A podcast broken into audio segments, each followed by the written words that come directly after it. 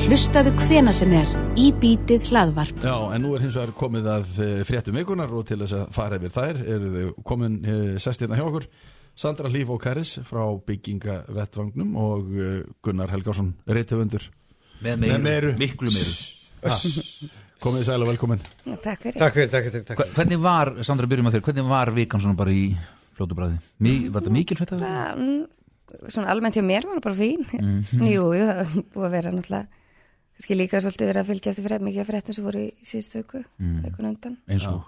Með uh, náttúrulega einföldunar regluverkinu sem hún Tórtís var að kynna og, Já, og áframaldandi umræði með innvegagjöldin og, og málsóknin sem er í gangi gegn Reykjavíkuborg mm og svo náttúrulega hafið þið verið dugleira að fjalla um uh, lokanir miðsvæðis. mm. já. Á hverfi skutunni Ok, það er að tala um hverfi skotuna Það tengist nú þér pínlítið Já, Gunnar aðeins. Aðeins, Fjölskylduböndum. Já, Já, þetta er ótrúlegt. Það er grái kötturinn. Já, Ási bróður með gráða köttin og þetta er bara, hann lendi mér í segja í skopmynd í gær, það var mjög hann Já. jánaði með það. Já, í viðskiptablaði Þá ert orðin frægur. Já, þá er bara málefni komið upp á yfirborðið og það er allir að tala um það sko. Já, einmitt. Þannig að ég held að Reykjavíkuborg verð að fara að hísja upp sig sko. mm. Það er bara Og þó fyrir hefði verið. Já, og þó fyrr hefði verið. Þetta er náttúrulega alveg fáránlegt mál. Að það eru, hvað er ekki, fjóri veitingastæði farnir á hausinn og, og þetta, þetta er bara Reykjavík bort til skammar. Og, eh, já, maður er svona, fyrir varlega ég að tala um, veist, hvað verktakinu er lengi að þessu, en, en þetta er Reykjavík bort til skammar sem kaupandi verksins. Sett ekki saman á því. Jú, jú, og það verðist verið líka bara sama hvar maður stígur niður hérna í Reykjavík og þá eru brotalamannar Nei, nei, nei, þetta er nú kannski einu Einu mikið of sagt. mikið svona í, í morgunsári Alveg sama hvað maður stígur niður. Já, ég er þar Já, þú ert Hvort við það. fleiri dæmi fyrir okkur Það er bara, all, bara það er allt mm. það finnst mér með að taka sig á, á mjög mörgum stöðum Við vorum að ræða uh, laugavegin, miðbæin, Já. Mhm. miðbæin hérna í vikunni, bæði í gær já, og, og hérna þannig að eh, Ég er enda lokanir- hrifin af sko ég er enda hrifin af uh, Nó, Göngugötu. Sko, alveg flott Reykjavíkuborg. Já, Ég ætla ekki að fara að verja Reykjavíkuborg, bara svo fyndið. En, hérna, en það er náttúrulega líka bara að finna að hlusta á það að því nú er ég bí í hundraðinum, Já, er íbú í hundraðinum og, og á börn í hundraðinum. Og mér finnst þetta geggjað að vera með ganguguttur og mér er svo leiðilegt að sé einhvern veginn þetta við þarf að það sé engin bílastæð og fólk þurfa að lappa svo langt og, og eins og við séum með uh, sko einstakt veðufar í alheiminum. Já, já. og, og, hérna, og þess vegna geti gönguguttur ekki virkað hér. En bílastæðum hefur fjölgað. Það er bara þannig, nýri í bæ bara með hörpunni og öll bílastæðahúsin þannig að það er bara ekki rétt að bílastæðum hefur fækkað. Auk þess þegar að lögu við erum varópin mhm. það voru ekkit rosalega mörg bílastæði á lögaveginum þetta pínu þetta íslenska bara ég ætla ná að leggja fyrir framann Já, já, já. En En, tala þú um- ert í alveg að leggja til að maður leggji í hörpu og lappi upp á laugaveg. Eða á bílastæðahúsun sem er á hverjaskutin en hún ok, er enda lókuð þannig að það er kannski hvað er í gangi? Sigurbjörn talaði um að þetta væri nú ekki nema 350 metra svona oftast næri í, í þær svo er búsum bílastæð skólarstig og Svo förum við öll til útlanda og meira sé að í höfuborgi Norrlandana í vetratíman það sem er alls konar veður mm. og göngum og göngum og göngum. Já, eftir göngugötum Eftir göngugötum og bara í slappi og snjó, sko. Já, þannig að þú ert fylgjandi þessu lokunum líka Ég hef enga skoður á þessu, ég býði hafna fyrir, það er gott að búa. Æðislega. segja það þér Já, en þið viljið losna við vesinni, flytjið til hafnafjörða ég bara hef ekki skoður á þessu. Nei, fleira? Já, sko, þetta, þetta er náttúrulega, ég er alveg niðursokkin í Trump mm. og, og hérna, og uh, ofsa kapitalisman og, og þessa uh, íktu orðræði sem hann er að búa til og, og er bara að gera heiminn að hættulegri stað og þetta, þetta er bara, ég fylgist mjög náið með þessum impeachment hearings og, og framferði republikana sem er ekki sko heiminum til framdráttar mm. og, og mér finnst þetta bara mjög slæm þróun og, og þetta er veist, ástændi í Bretlandi er hræðilegt og nú á að fara að kjósa þar og, og það er bara einhvern veginn allt upp í loft í þessum tveimur kjölfestu ríkjum af róliheitum í heiminum. Og, og það er bara ekki gott fyrir heiminn. Mm. og þannig að ég, ég gekk svo langt að ég skrifa bók um þetta sem heitir Draumaþjófurinn og það þarf ekki að beita rosalega ímyndunarafli til ímyndu sér hver er fyrirmyndin að Draumaþjófurinn En Gunnar, nú, sko, við, þegar við kjósum hérna, gíska já, þá erum við svona flest að kjósa bara, eins og sagt með veskinu þar að segja, Já, hv- hvernig munum við sjálf hafa það, það Já. gerir kann líka atvinnuleysið er látt, er það ekki? meðal jafnvel blökkumanna svartra er það hefur aldrei verið jafn látt uh, og það gengur betur innan bandarækjana uh, er það ekki það sem þetta snýst um fyrir kannan? Alveg svo okkur hér. Hefur Já, ég held að það sé svona, svona flestir sammála því að Trump sé ákvæmlega störtlaður en hérna af því að það er náttúrulega líka bara þessar öfgaskoðanir. Og öfgar er aldrei góðir saman hvort þeir eru til hægri eða vinstri. Samanlega þannig að hérna en ekki það ég svona persónulega aðhyllist náttúrulega meira svona hægri, hægri sveiflunni. Mm. en af því að það er náttúrulega líka bara mitt eins og þú segir, fólk kýs eftir veskinu En, en ég held sko, að það sé, þegar við, erum líka að tala um þú veist hérna á Íslandi, við erum að tala um hægri og vinstri. Já, Þetta er ekkit sambærilegt miða nei. við þegar við erum að tala um hægri vinstri í Norður-Ameríku eða Suður-Ameríku Mhm. eða, eða slikt. Í Norður Ameríku er þetta raunverulega hægri og aðeins minna hægri er það ekki bara píldið þannig? Jú. jú, er það ekki það er allir hæra með við mið Mm. og það er skrítið hvað, er- hvað er óttast það að- að búa til alvöru heilsuþjónustu Mhm. en þessi, þessi þetta sko atvinnu stig og, og litla atvinnuleysi og það, það hefur náttúrulega það er sko tvær hliðar á þessu peningi vegna þess að, að sko ástandi í þjóðfélaginu er, er það er ekk, á eitthvað nátt sjúkt sko. Þegar fórseti bandarækjar kemur á risastóran íþróttarleikvang og, og það hrópar meiri hluti ára þetta lock him up. Mm. Veist, auðvitað var maður alveg yeah, sérðu bara hana fýblið mm. en þetta er þetta er ekki eðlilegt og þetta er, þetta er sko hræðilegt að, að sko hann býr þetta til með lock her up uh, þegar hann bjóð það til um hérna Hillary Clinton. Og, og þarna fær hann aðeins að bræða á eigin sko tevatni og, og þetta þe- þetta er ekki eðlilegt ástand í vestræðin líðræðisriki Mm. og, og hérna ég held að sko Amerikanar hafa náttúrulega gott og hafa haft það gott svona flesti hver svona undir í eðlulegu árferði þannig að eh, þau kjósi með 3,5% atvinnleysi eða 4% það, það, veist, það breytir ekki svo miklu fyrir þá held ég. Sumur ráði að hann verið endurkjörin Já, það er, það er því miður hægt á því. Þannig að, að En þá var það bara það sem kann vil Já, mér finnst að við ættum öll fá að kjósa bara um fórsta bandarækjana en þetta er alveg hræðilegt eins og við ættum öll að fá að kjósa borgarstöri Reykjavík? Nei, nei, Nei, nei. En mér finnst að, að hérna, hættu nú að samin öll þessi sveitafjölu, ég skil ekki öllum þessum bæjarstjórum hérna með 2 miljónar á mánuði. Að, Og, og 50 manns á skrifstofu? 60. Já. Eh, 60, já. Í hverju minnsta bæ? Reyndar er ég mjög ánæður með hafnafærabæ akkurat þessa stundina. Það er einhvern veginn allt í gangi og, og ég er mjög ánæður með mentamálur á þeirra, hún var að hækka bókasapsjóðin um 62 miljónar, það þýðir bara uh, rosalega breytingu fyrir lífsafkomu rítvönda, sérstaklega batabókar rítvönda Já, og þetta, þetta er bara æðislegt, bara ég vil langar að klappa fyrir Lilju hérna smá já stund. ekki veitir að vegna þess að það hefur verið kvartað yfir því að, að, að bækurnar sem eru hérna, notaðar í, í skólum þær eru bara ekki nóga skemmtilegar. Ég ætla bara, hvað segir þú um það?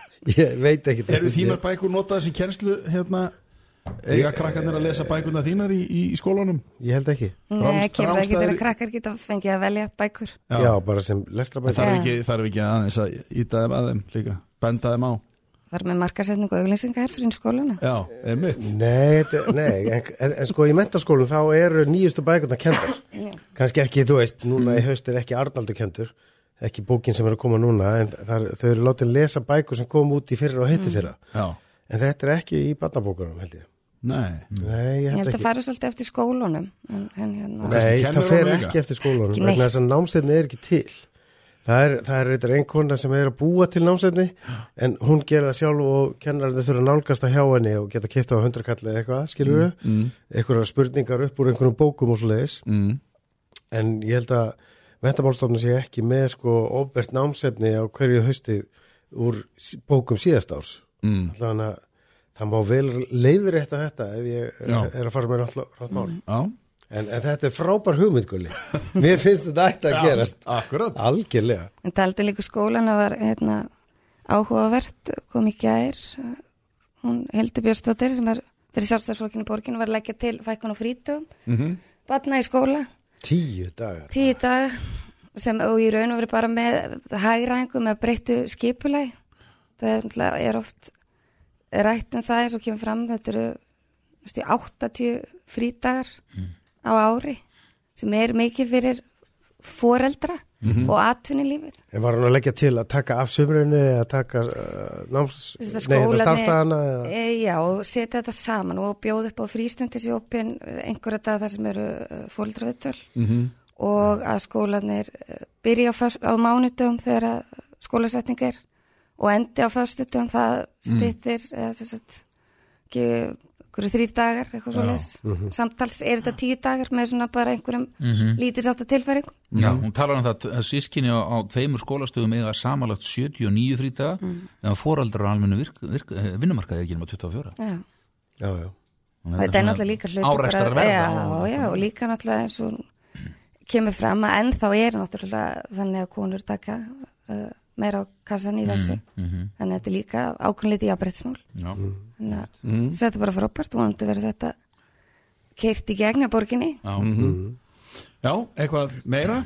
Já, við þurfum náttúrulega að, að stöðva, sko þetta er ekki beint í fréttum vikunar en, en ég bara farin að agita fyrir því að við verðum að- að koma í veg fyrir þennar ultrakapitalismu, við verðum að þessi, þessi öfga já, þessi öfga kapitalismi, hann er stór hættulegur hann er ekki mikið í gangi hér nei. en það, það örlar alltaf á honum. En- já, og núna til mér hérna í leiðari fréttablasins dag, veist, við verðum að selja báða ríkisbankana og þetta er bara hræðilegt og, og, og þú veist, ég er bara ekki sammála þessu.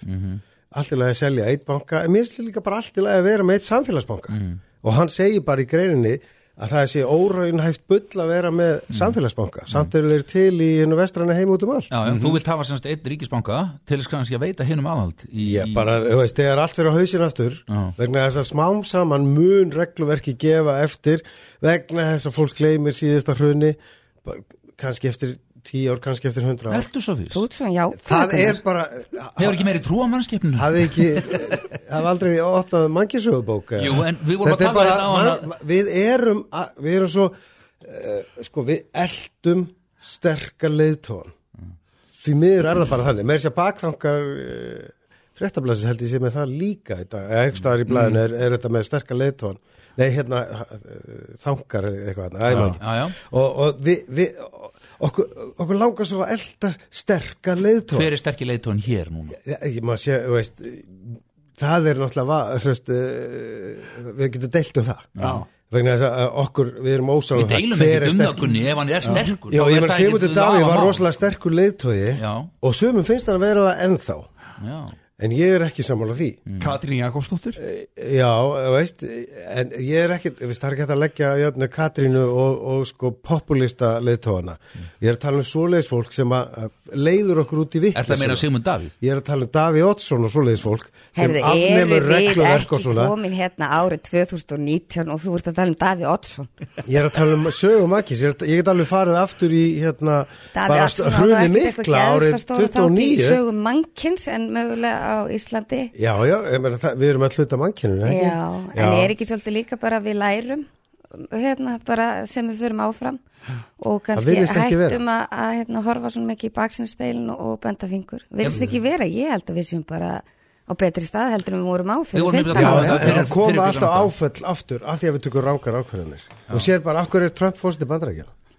Ég, Af því að ég fólkið get ekki hann. því. Já, af hverju? Af því að hann virkaði sterkur leitt Já, er það ekki kannski líka, Hann, hann vegna sagt þetta að- grab them by pussy Ja, og allt þetta sem að er venjulegt fólk bara finnst Nei, ógæslega byrju, er það svona einfalt vegna þess að sko, nú fer ég stundu til bandarækjana og, og heyri þar í kannan og svona. Og fyrir þessar kostningar síðustu, þá voru menn líka að tala um það að þeir kusu Trump vegna þess að þeir voru búin að fá ógeð á hefðbundum stjórnmálum og spillingunni sem grassirar þar. Já, frábært. Er það, nei, er það ekki líka ángið þessu? Ekki Jú, bara örgla, örgla, vegna þess að það þarf að laga systemi í bandarækjum, þessi lobbyismi og þetta, þessi Einmitt, viðbjöður sem er í gangi nákvæmlega, þetta, sem er töluðum hann. spilling í stjórnmálum. Ég held Og að auðvitað hluti þarf að laga líka af því af hverju hérna, Trump var kosin var bara, hann var ekki písi. Langt frá og því. fólk, neð, og fólk var bara komið leið á því að allt væri svona ofubosla písi og máttir ekki segja neitt á hans að vera tekin að lífi ef það einhvern veginn þóknast ekki Þannig að hann að það að lét allt vað og ég held að það sé alveg hluti af því af hverju hann náði fram gangi. Já, Ég held að sá, sá sem að veður uppi hérna heima fyrsti gæðin sem að eða kona sem að ákveður að vera ekki písi muni uppskýra vegna þess að, að ég finn bara með, meðal minna jafnaldra að, að það er eh, komið pínu óþól Hvað er að vera Ég ekki písi þannig að fyrir þá sem Ég ekki vera í sem réttrúnaði sko, meg aldrei segja neitt. Já, correctness. politically correct. Einmitt.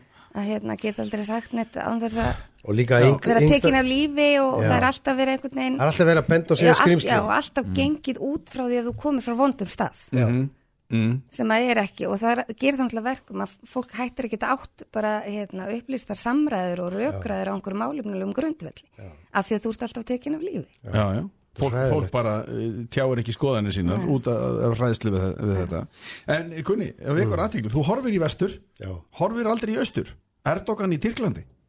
Já, þú veist, það þarf ekki að ræða. Við erum alls samanlega með Erdogan.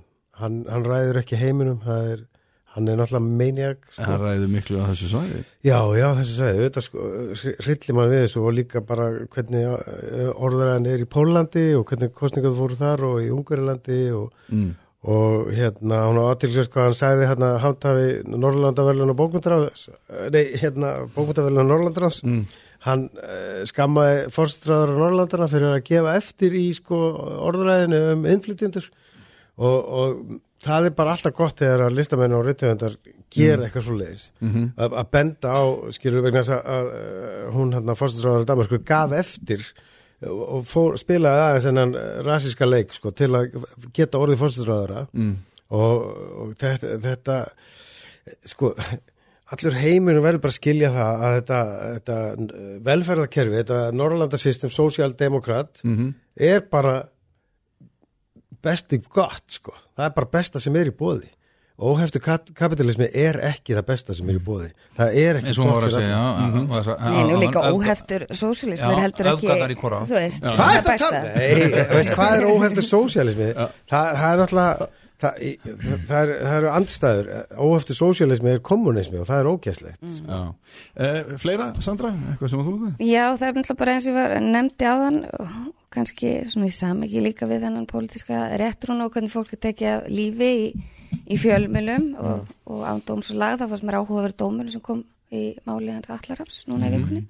talandum og já, um, Sprengjusvæði, já, sko. ég meina þetta er sprengjusvæði uh, ég persónulega fagna þessu dómi. Mér finnst þetta bara það gerast svo djörf að segja það.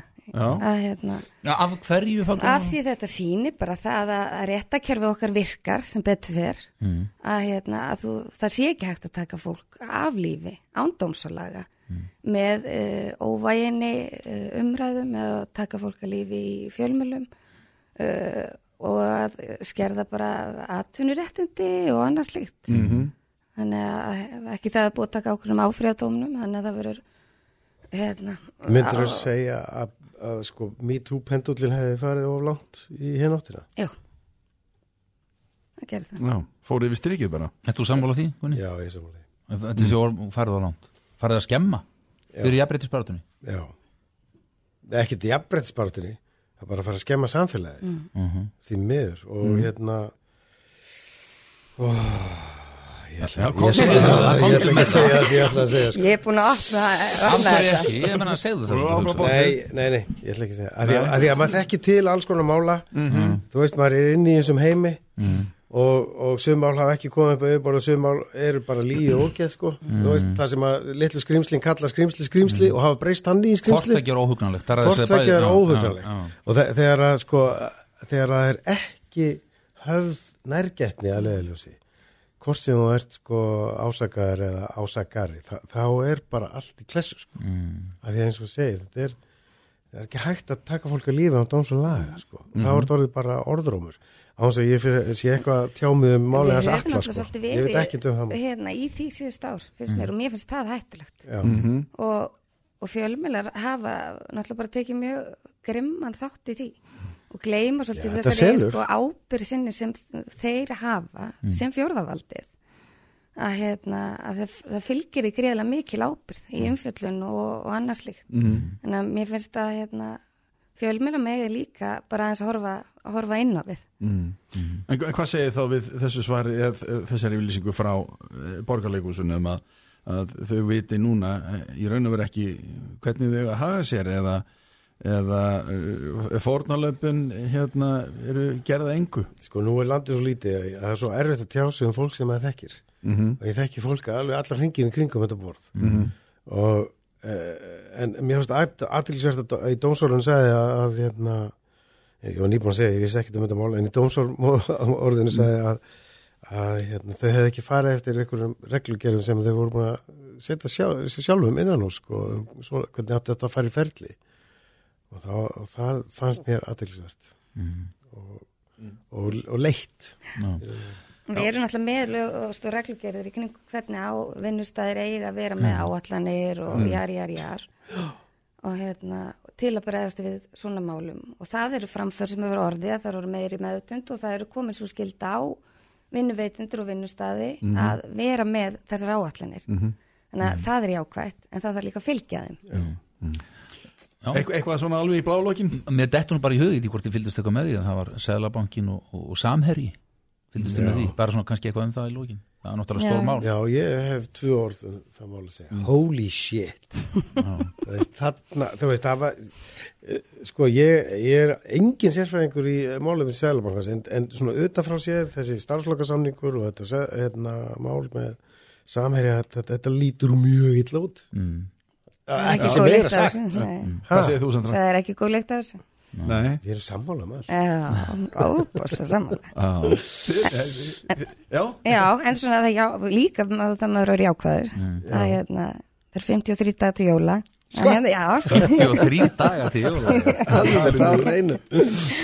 Já, jóla, jóla hérna, bókaflóð er alveg að fara í gang. já, og með allu jólaskrautinu og mm Já. upplæstur fyrir mig er jólin bara þú veist, þetta er brjálu vinna fram á þólasmessu Hvað heitir bókin sér? Draumaþjófurinn. Um hvað er hún? hún er um um stráka stelpu sem vilja vera vinir en mamma stelpunar er semst fóringi rottana og vill ekki semst, hann er of lítilsvirður til að vera vinur dóttur sinnar og hún drepur hann. Já, eða lætur drepa hann og taka hann lífi og hérna já. Bara létt barnabók. Já, bara eitthvað svona létt og skemmtilegt.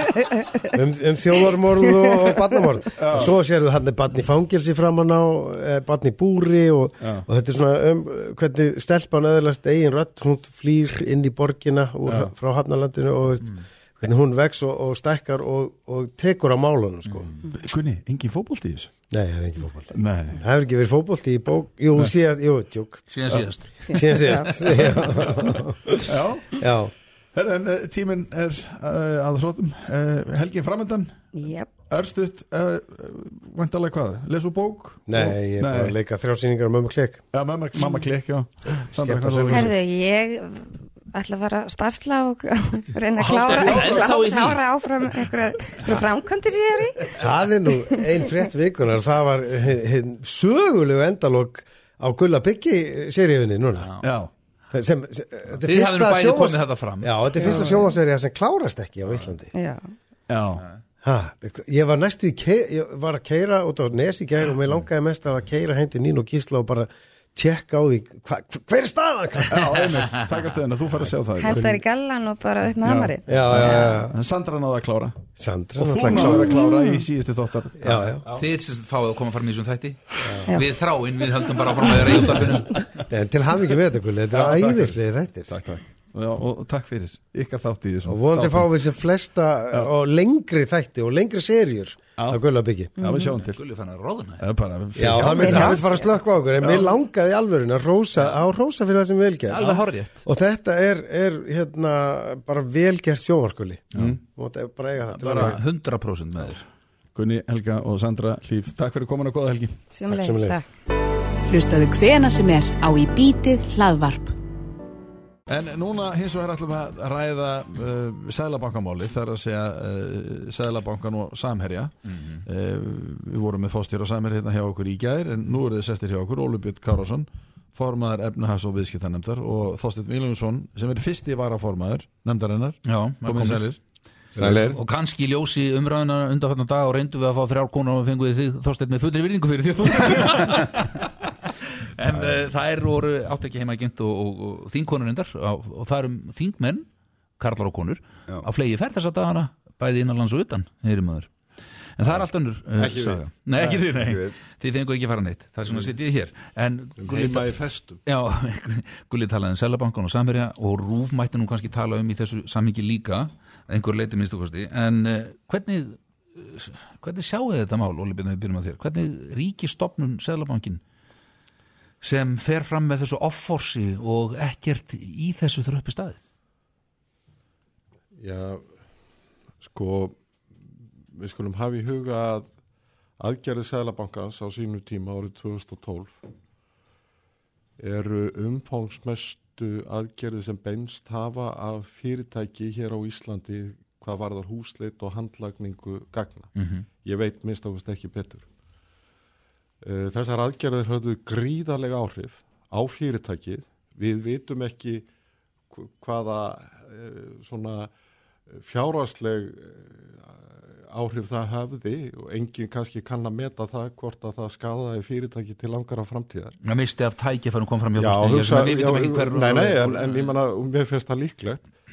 Það sem er kannski í mínum huga jafnvel verra, með fullur virðingu fyrir hinnum fjárháslega þætti, að þá er það þannig að þetta hefði alveg gríðarlega áhrif á starfsmenn samherja og sumir af þessum starfsmönnum sem höfðu í rauninni ekkert unni sér til sakar annað heldur en að vinna hjá samherja, urðið fyrir þannig áfalli, andlegu áfalli að, að einhverju þeir eiga mjög erfitt með að ná sér. Og þetta segir mér að þegar að stjórnvald skiptir ekki máli hvort að það er seðlabankin eða ákjæruvald eða hver sem er gengur fram af hörku gagvart fyrirtækjum þá verða menn að gæta einhvers meðalhóps og sangirni og menn verða að hafa í huga að fyrirtæki er í raunin ekkert annað heldur en þeir starfsmenn sem hjá því vinna. Menn geta að tala af einhverju fyrirlitningu um einhverju fyrirtæki og verið með einhverju stórirði en fyrirtæki er í raunin ekkert annað en þessi starfsmenn. Svo þegar að tími líður og við sjáum að í raun var ekki, virðist ekki að hafa verið neitt tilefni nema síður sér til þessar aðgerða þá velti maður fyrir sér af hverju var farið á stað. Mm. Og það er mjög merkilegt að, að þegar það kemur að þessu gjaldiriseftiliti Sæðlabankans að það kemur fram í svari fósættisar á þeirra frá því í janúar síðastlinum að þá á árunni 2012 til 2016 að þá lagði Sæðlabankin á stjórnvaldsektor á fyrirtæki upp á 115 miljónir. Uh, Dómstólar, hæstiréttur, gerði ríkisjóði það að endur greiða nær alla þá fjárhæð eða 99% þessara fjárhæða þurfti að endur greiða. Mm. Sem þýðir að, að í rauninu var ekki innrýst þetta var ekki bara gagart samherja, þetta var gagart öðrum aðilum og, og einstaklingum. Þannig að það er alveg greinilegt að það var mikil brotalum Mm. í framkvæmt gjaldiriseftilitsins á þessum tíma. Já, Hvað segir þú, Þorsteinn? Já, er raun og veru bara ekkert miklu við þetta að bæta. Þetta mál er uh, Sælabankanum til háðungar og er raun og ekki bara samhérjamálið heldur uh, sko, þessi mál sem tengja skjaldur eftirlitinu almennt. Uh, sýnir auðvitað bara við viljum aldrei þurfa að, komast í þessu stöðu aftur að, að vera að reka svona haftabúskap eins og, eins og þarna var Mm. sem er reyndar uh, verður samt að hafa í huga að við erum áfram að gera þetta. Sælabankin er áfram með heimildir til þess að, að, reysa hér ímiskonar höft á, á, á fjármagsflæði Mm. uh, og þá sinna því eftirliti áfram þannig að það þarf auðvitað að gæta því að, að þar hafi innandir að veri sá lærdomur dregin af þessu máli sem að, nöðsilegt er. Mm. Þetta er auðvitað graf alvarlegt mál þegar farið er gegn fyrirtækjum uh, með svona tilhefulögsum hætti eins og, eins og þarna verist það að verið Mm. og bankin í einhverju þvermóð sko verist vera bara hald, heldur áfram sko þvert ofan í þá lögfræðilegu ráðgjöf sem var verið að veita bankanum uh, meðal annars uh, frá ákjöruvaldi hérna, með þetta tiltekna mál Mm. Já, og Þannig að- þrátt fyrir aðtóðsendir mjög alvarlegar frá umbásmanni alþingis, var ekki að gleyma því. hérna uh, bankin raun og veru hundsar öll varnaðar orð um tilefni sem, sem hann hafi í þessu tiltekna máli Mm. og, og æðir áfram og, og í breyfaskristum er talað um fælingarmátt og eitthvað, þess að sem eru þetta bara alveg fjärstaðukent að stjórnvald sé að beita sko sektar og refsi heimildum sínum sem eitthvað fælingamátt, þetta bara snýst um það hvort að, að það er líkur á broti eða, eða ekki í, í þessu hvort það ágært er og Mm. Bankin var gerður aftur eitthvað með allt heila klappið og, en heldur samt eitthvað með áfram og endar á þessari stjórnvaldsekt sem að hann tapar síðan fyrir hæstarétti Rifjum aðeins upp þessa aðvörun kom hún eftir að banki var búin að fara inn eða áður bankin, uh, bankin fer á stað í, í húsleit og, og, og, og rannsókn Mm. og þá vinnu allavega en þegar að málið er sendt til uh, saksóknara mm. þá er það veru bara sendt bankarum tilbaka, með þeim orðum að þetta teljast nú ekki, ekki líklegt til Mm. uh, sakvellingar en bankin heldur samt áfram og Mhm. eins og Óli Björn nefnir uh, það eru aðvarunir, aðvarunir orð frá umbóðsmanni og, og, og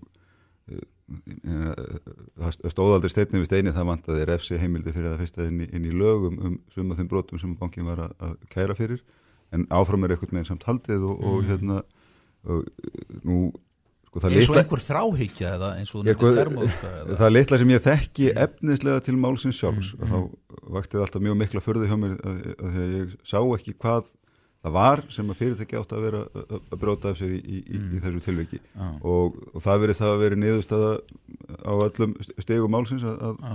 bankin einfallega hafði ekkert til síns máls í þessu. Nei. og, og þetta eftir stendur um mitt orðspórsnekkir hjá hérna, fyrirtækinu. Mhm. uh, og bara um mitt heyrt þar til, bara mjög hérna, alvarlegt áfall hjá mörgum starfsmönnum sem að stóði þessu hérna, stríði árum saman. Þannig að, að, að, að mér, mér finnst nú ennþá vanta afsökunarbeinina frá bankanum Já, Þorsteinn uh, Már Baldinsson, fórstjóri samverið satt hérna í gær í, í lungu spjalli og orðaði einhvern veginn í þá veruna að, að Selabankin, Ríkistofnun og Rúf, Ríkistofnun eða fyrirtæki kokkuðu upp einhvern glæp eða voru að reyna að kokka upp einhvern glæp á fyrirtækið. Og hann gaggrindi Rúf líka harkalega. Hafið þið eitthvað um það að segja? Þetta eru náttúrulega tvö fyrirtæki í eigu ríkisins sem að nefni sem að raunverulega sækja að enga fyrirtæki þannig með þessum hætti. Ég hef engar fórsendur til þess að gaggrina rúf. Bara sem gamall bladamaður hefði ég til dæmis fengið upplýsingar um það að, það til, að tilstæði að gera húsleitt hjá einhverju fyrirtæki, stóru þekktu fyrirtæki á Íslandi þá hefði ég mætt á svæðið með sama hættu og rúf gerði. mm.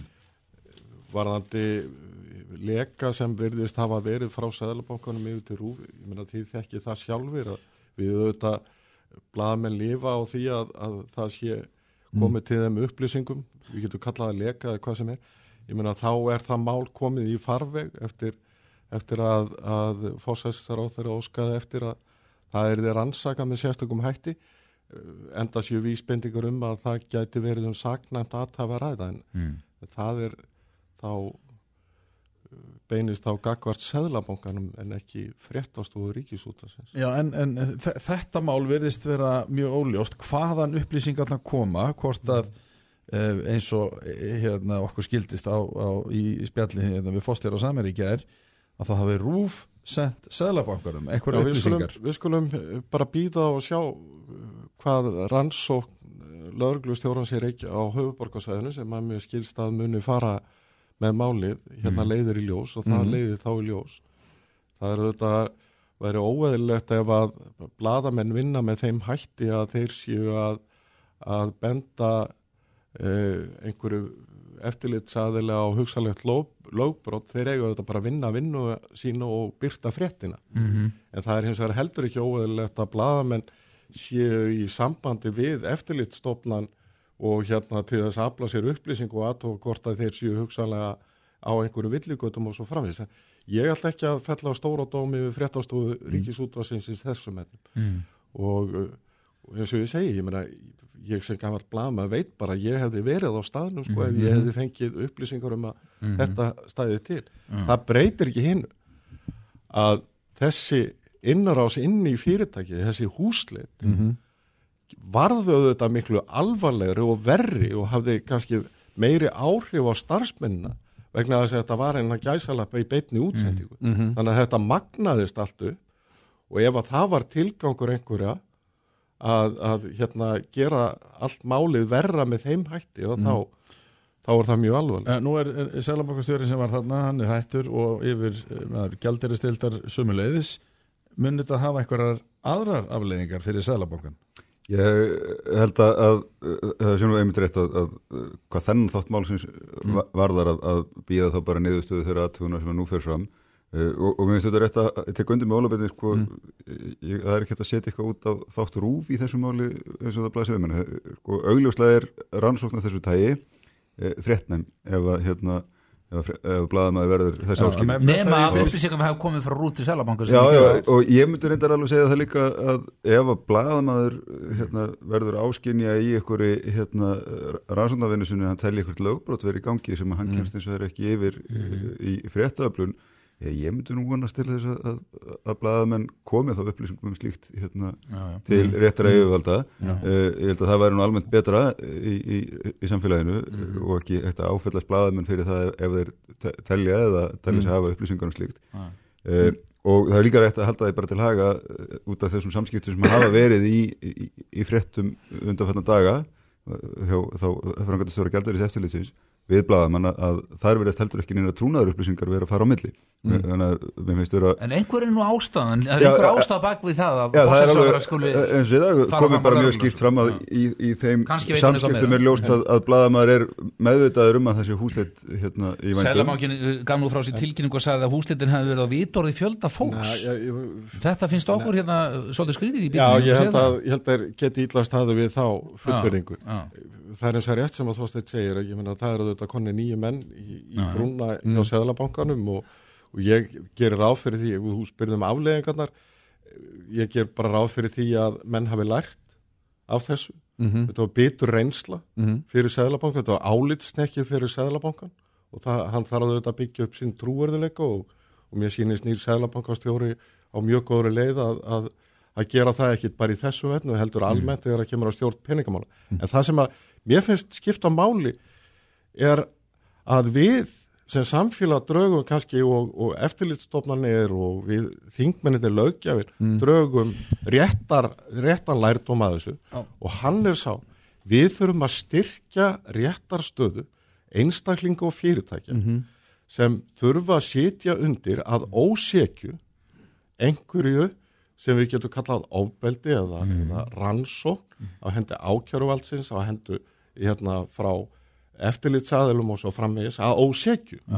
Og þetta er verkefni sem að við eigum að fara í. Og, og ég hef verið mjög upptökjan af hérna síðustu mánuði að reyna að átta mig á því. Þetta er til dæmis í norskur lögjöf það sem réttur hérna, þess sem sætir ákjæru þarf að sæta símhlerunum, handlagningu, húsleit og svo framvegis en er hérna saklusfundin Mm. að þá, er rétt, þá hefur hann ákveðin réttindi til þess að sækja sér bætur bæði vegna fjárhagslega skada Já. en líka vegna Já. þess álýsnekki sem að kann að hafa Þetta er það sem við höfum verið að tala um, við höfum verið að tala um þetta undan þann dag og ætlum að reyna að halda því áfram hér og það er kerfið. Já.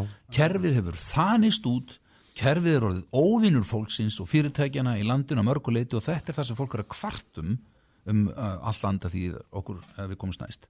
Og þetta er partur af því, og verið að Og blása í, blása í blöðruna í kerfinu alveg hérna Já, á útdóknum þessi misserinn sko. Já, þá var spurningin, erum við búin að gefa ákveðnum stofnum of mikið vald? Ég, sko, ég er nefnilega að teka undir með ólabitni við þurfum að draga rétt, réttanlært um að þessu. Og ég held að við hefum ekki gert það. Og bara til dæmis, ég gaggrindi á, á síðasta þingi verulega að við værum að færa fjármáleftilitið undir Sælabanka og, og taldi bara mjög sterkur auk meðal annars út af þessu máli til þess að við erum að hafa það í huga Sælabankin er sjálfstæði stofnun hlýtir í raun og veru ekki uh, agavaldi frá einum meðaninu Nei, en hann býr við ákveðin lög sem hún hann hefur sett. býr við ákveðin lög eru en, en, en, en það sást bara hvað best í þessum málum öllum hversu þungt það var að sækja rétt sinn sem fyrirtækið eða einstaklingar sem lendu í þessu gældariseftiliti vegna þessara sterku stöðu selabankans og þá voru fjölmarkir aðilar sem að vöruðu mjög eindreið við því að það væri verið að færa fjármáleftilitið undir selabanka með þeim hætti sem við gerðum hér í vor nákvæmlega af þessum ástæðum og ég held að það hafi verið mistök. Og, og ég, mér fannst allavega að við ekki verið að, að draga mjög skýrt lærdóm að þessu tiltekna máli. Nú erum við bara að treysta því þá að Sælabankinu verði betri heldur en áður en hann er alveg jafn sjálfstæður og erfiður viðurregnar þegar hann fer út af sporinu uh, næst. Já, ætti að draga úr völdum hans einhver finnst Nei, að, að, sko, út frá peningastefnun einn og sér, að þá er algjörlega nöðsynlegt að Selabankin sé sjálfstæður og alls ekki, alls ekki undir einu kringustæðum undir ykkur hérna, stjórnvaldi hérna, stjórnmálamanna. En þá líka um leiði ég bara að segja hann á ekki að gera neitt annað heldur en að sinna þessari peningastefnu. Já, en, en þú sagðir að hann, hann tók sér vald sem hann hafði ekki í, Í þe- þessu, í þessu máli Já, hann hafði ekki hérna, heimildir til Já. refsinga í, í þeim brotum sem hann taldi sig vera áskinni um Akkurat En á- auðvitað á endanum sem- sem- það það, stendur ekkit eftir af þessu máli, ekki einu sinni þá, það sem hann þó hafði stjórnarsektar heimildir til. En sjáu þið fyrir ykkur að, að Sælabankin sé skadabótaskildur? Já, það mun reyna það núna, hérna, ég Fórstjórið sem satt inn í gær, hann hafði nú ekki mikla hérna, já, mikið tröst á íslenska dómkerfinu. Hann sagði, þetta fór hann fram á hvað 360 miljónu sem er Sko, nú bara kostnaði fyrirtækisins? En, en, en, en sko með fullir virðingu fyrir þóstenni og, og kannski fyrir mér að einhverju leiti þá held ég að við séum hvoru okkar þessu umkomnir að kveða upp úr um það hvort að Seðlabankið sé skadabóta skildur samkvæmt lög. En, þú En það var það sem að ég- já, nákvæmlega. Eh. En, finnst þér eðlilegt að, að Sælabankin þurfa að borga Það sem að ég held að sé mikilvægt er að hérna, eftirlistofnarnir sem fari hér með völd e, gæti með á hófs og hófsendar þegar í framgöngu sinni gagart fyrirtækjum og einstaklingum vegna þess að fyrirtæki er ekkit annað en einstaklingar.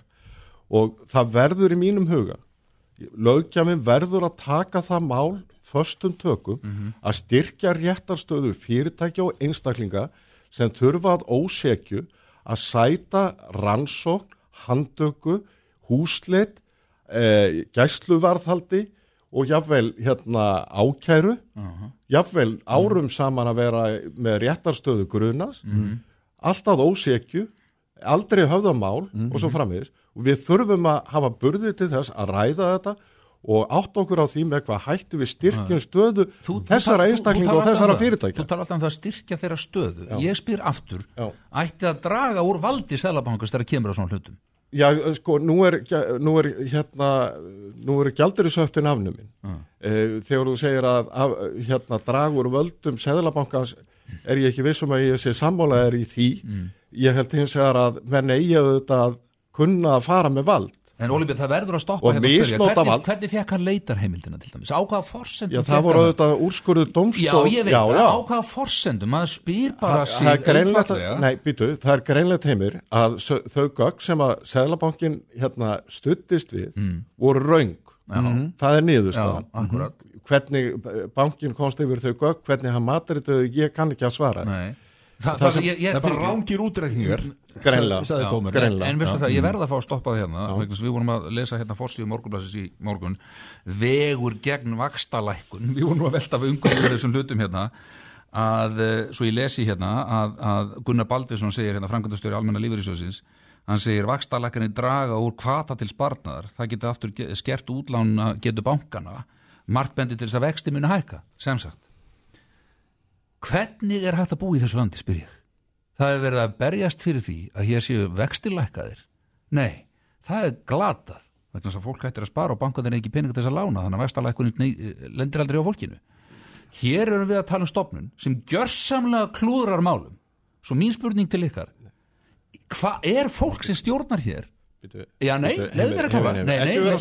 Mátt ekki vera svona neikvæð. nei, ég er ekkit neikvæður, er við, eðlileg- erum, við, erum, við búum bara- hér í einhverju mesta er velferðaríki er heims. ekki að tala um þetta er bara það. réttlátt reyði. Nei, nei, já, veistu það kannski endur speklar um pínlítið það sem fólk er að hugsa kannski. Já, getur verið að við séum bara ekki oft á tíðum með nóga hæft fólk í stöðunum og ég spyr, þegar fólk klúrar svona hlutum eins og Sælubank ger, gerði í þessum efnum er bara nóga hæft fólk við stjórnvölin og þetta er ekki óeðlega spurning Nei, ég meina, ég held að við hefum að spurja þessara spurningar alltaf. Mm. Ekkit bara gagvart seðlabankunum, heldur líka til dæmis gagvart samkjæftiseftirlitur, gagvart öllum helstu stopnunum samfélagsins.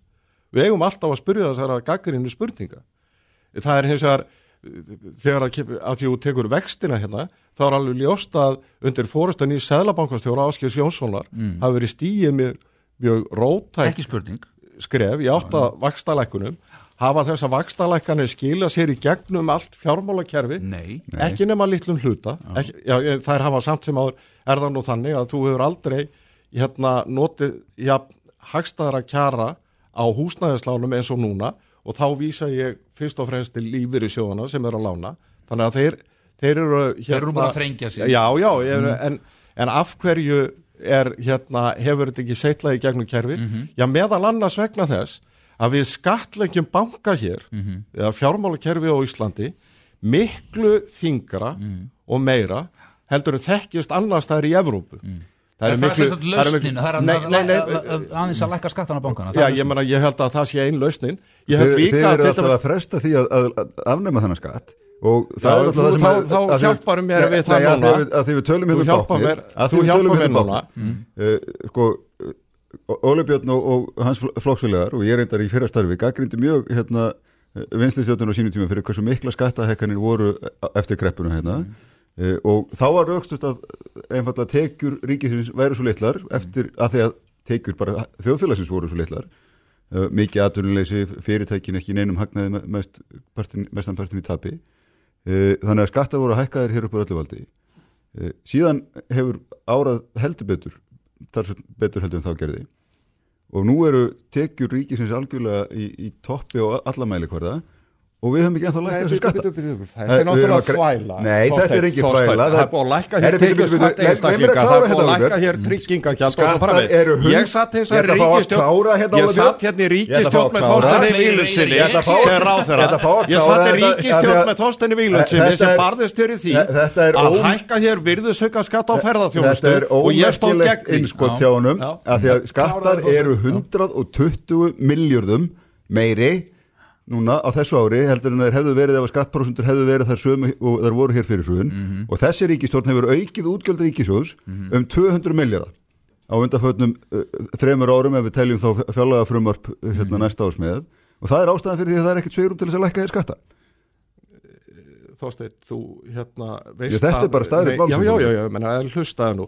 Og verður einu sinni sangjandi hérna þínu málflutningi Ég hef verið, Ég nei býtu, ég hef verið einn, ég hef til ég er dæmis bara reyður yfir þessu Já, Jæja. en ég hef líka verið hérna einn helsti gaggrendi þeirra miklu aukningar ríkisútgjalda sem áttuðu stað hér á undanfjörnum árum. Ég hef líka sagt að við höfum ekki náð þeim árangari sem við hefðu geta við lækkun hér skatta. Ég hins vegar stóð gegn því og flutti ræðu daginn sem að ríkistjótt viðreistna sjálfstæðisflós og bjartara framtíðar fjall gegn áforum þings að ráþeira þar sem þú varst ráþeira um að hækka hér virðisauka og ferðaþjónustu upp í 24% sem líklegast ef afhefðu orðið hefði rústað íslenskari ferðaþjónustu. Þannig að þú hefur ekki efn á því þóstið minn að tala hér eins og þú sért einhver talsmaður larri skatta vegna þess að rekordið er annað. Ég ætla, hérna, já, ég ætla bara að fá að svara þessu. Uh, sko fyrir það fyrsta, fyrst mér nú alltaf ég hef skemmtilegt hvað sjálfstæðisflokkurinn verið það að verið sko ábyrðulegt fórnalamp sem hérna uh, fórsetisráð þeirra og fórustu flokkur þeirra ríkistjórnar Nei, Já, fjármálar á þau hann var formaður viðreistnar á þeim en þú, tíma. þú veist það mæta vel að, að og ég var er- fára er- manna sem stóð gegn þessari hækkun. Leiðin þú veist aðeins að mæta vel að ákvörðun sem þessi er tekin af hérna, oddutum allara uh, ríkistjórnarflokka ekki bara af fjármálar á þeirra í, í hérna, tómarumi. En ég get alveg tekið undir það að þau áform í mikilli þenslu á, á þeim tímapunkti voru hugsuð sem efnaðasástöðun sem eftir á séð hefðu verið mistök Já, að gera. þannig að þú ert sammála því að það hefði verið mistök Það hefði verið mistök að gera það það. er Ég er bara- guðumannlegt ég- að ég við er bara- Þetta ekki sáttu við það, Björn? Jú, jú, jú. Er algjörlega, sammála því. það Ég held þessu til haga, Mér sko. þy- þykir og bísna ódýrt að flokkur sem að leiti þá ríkistjórn með 19 þingmenn Já. af 32 þingmennu þeirra ríkistjórnar segir svo alltaf að það var 7 þingmenn af flokkurinn sem að ríða þessu einn og við vorum bara fórnalamp hérna, sem var bara valtað yfir af þessum 7 manna þingflokki Spurning það að það verist vera óhægt fólk kannski við stjórn þegar svona mistökur er gerð og í enga fyrirtæki væri svona fólk rekið að láti fara Mhm. af hverju ekki á ríkjunu spurt hvers vegna fær fólk að sitja áfram eftir að hafa gert slík mistök Ég, það er náttúrulega hérna, í tilfelli selabangastjóra bara mjög mikilvægt það er ekki bara selabankastjóri sem þarna sagði Nei, nei. Nei. Eh, Við höfum náttúrulega hérna, gagvart öðrum stofnunum ríkisins uh, formlegt ferli sem er þá áminningar og, og svo framvegis og það hefur verið, gaggrindi ég hef sagt lengi, þetta er allt og þungt í vöfum það er Mm. alltaf erfitt að láta ríkistarsmið sæta ábyrð í- til dæmis í samanbyrðu við bara það sem að menn þurfa að búa við á heilum almenna vinnumarkaði.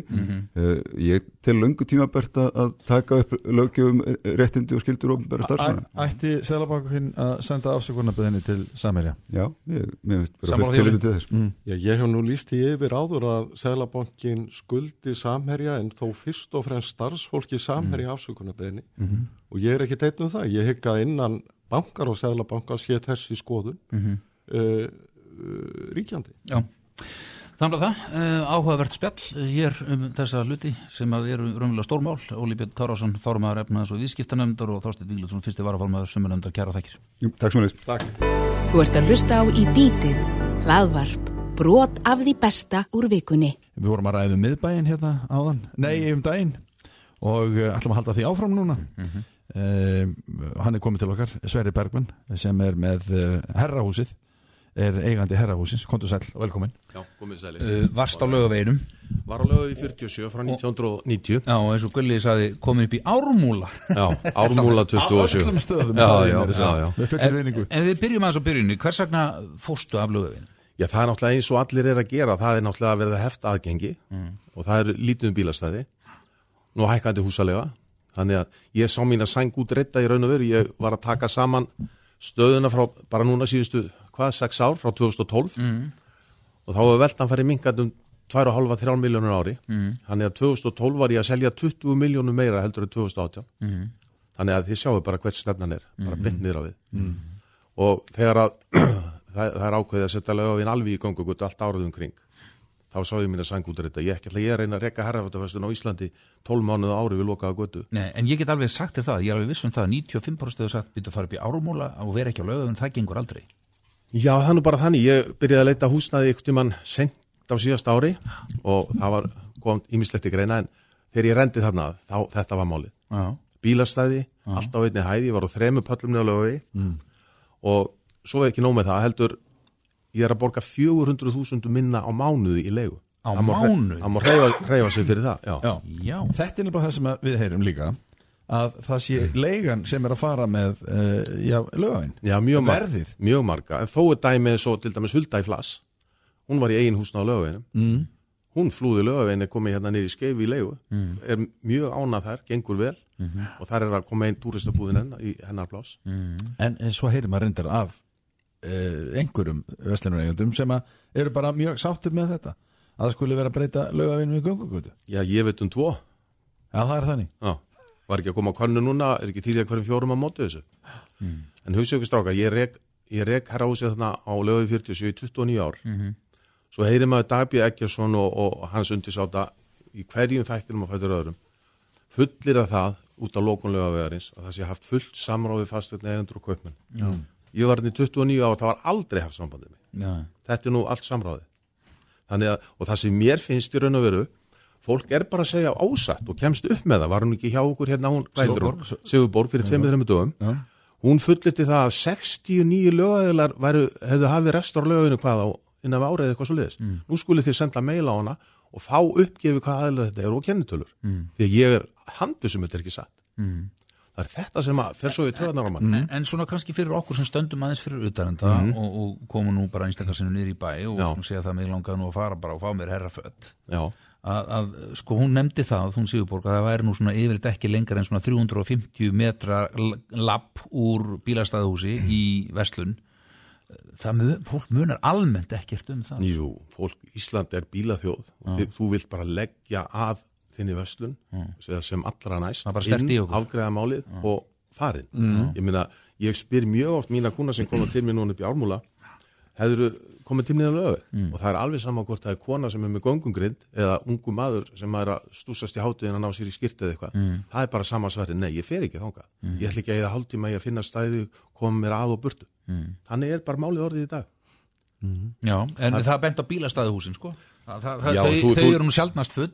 Nei, þú leggur ekki neyður á vitastíg fullorðið maður kannski eða á hægjum eða eitthvað, þú leggur ekki í bílastæðahúsinu og vitastíg og allar að tölta þeir upp á frakkastíg. Nei.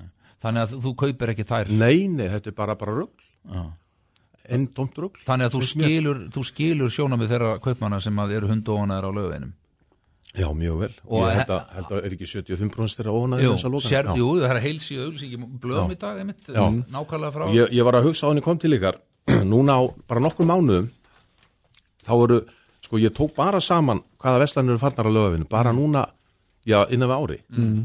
Og sko ég, það er herrahúsið, í ármúla, flass inn í, inn í skeifu, nú Bernhard Lagstall fór í fyrir upp í skeifupolt, Sigurbóðin búin að loka, Kúningund komin í kringluna, Lífstíkja búin inn í, í Faxafen, Reykjavík fótó upp á lögaveg, Heilsuhúsið er farið, GK og skólafurustík farið, nú Mikkelsen farið niður í Hafnastræti, horfið á þetta, þetta er bara flótti, ekkert annað og það er bara út af því að það verður hefta aðgengi og loka bíla, punktur.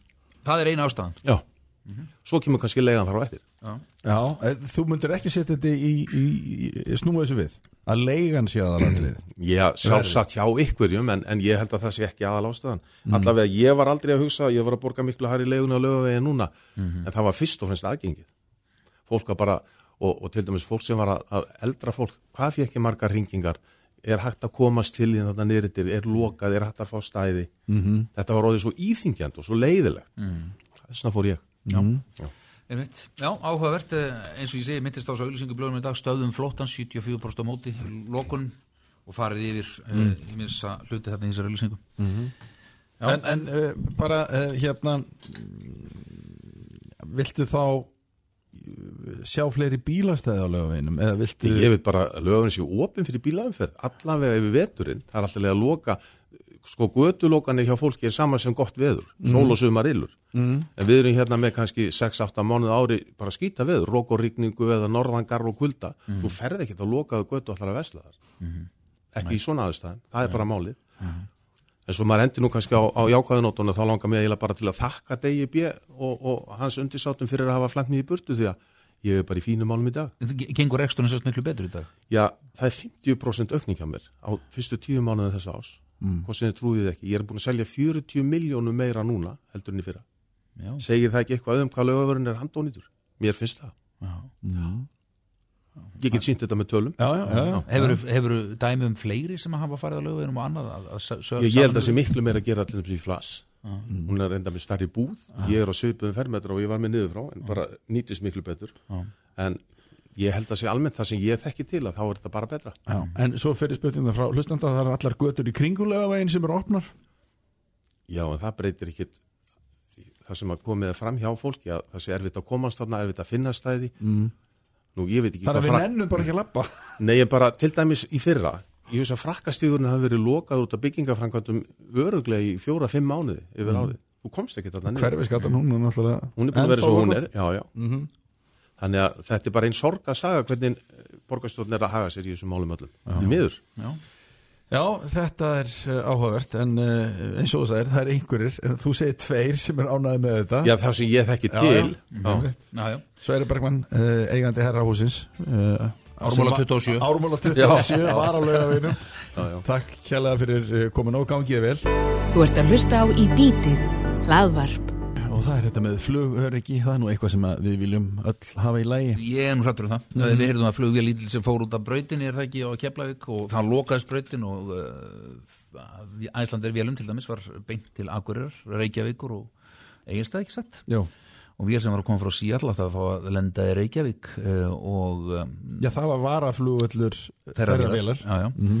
Og þegar til kom það var það ekki hægt eh, eins og við heyrum það að flugferðarstjórin var ekki mættur í turnin og það var ekki búið að afvísa brautina og uh, maður bara skilur þetta ekki svo erum við að heyra það líka núna að jafnvel braut önnur í Keflavík það hefur verið hægt að nota hana en það var ekki búið að afvísa hana þannig að þetta svona fljótum bræði lítur út eins og eitthvað svona klúður eða er það þannig? Já, ég veit ekki, ég hefur ekki snemt uh, félag íslenskra tölunflömanna er eitthvað búin að kíkja í þetta og, og formaðurinn er sesturinn hjá okkur, Yngvar Tryggvason Kontur sæll og velkomin Já, góðan daginn. Velkomin. Viltu fara, tökum, tökum Reykjavíkuflugur til dæmis í þessu tilfelli Já. fyrst. Hvernig eru, hvernig eru reglur allt það í kringum svona varaflugur sem á að vera baka Já, Reykjavíkflugvöllur hefur náttúrulega verið þannig til staðar í áratugi og, og flugmenn geta reitt sig á hann sem varaflugvöll. Mm. En uh, rekstur hans er háður starfsliði frá Reykjavíkuborg og það hljóður upp á það að hann skal vera lokaður sem er uh, reynir fáhært, þetta er eini völlurinn á landinu sem sveitafélag gerur kröfum að sé bara lokaður á nóttunni og það hefur það í förmið sér að, að Ísafía sér ekki ástættu þess að vera með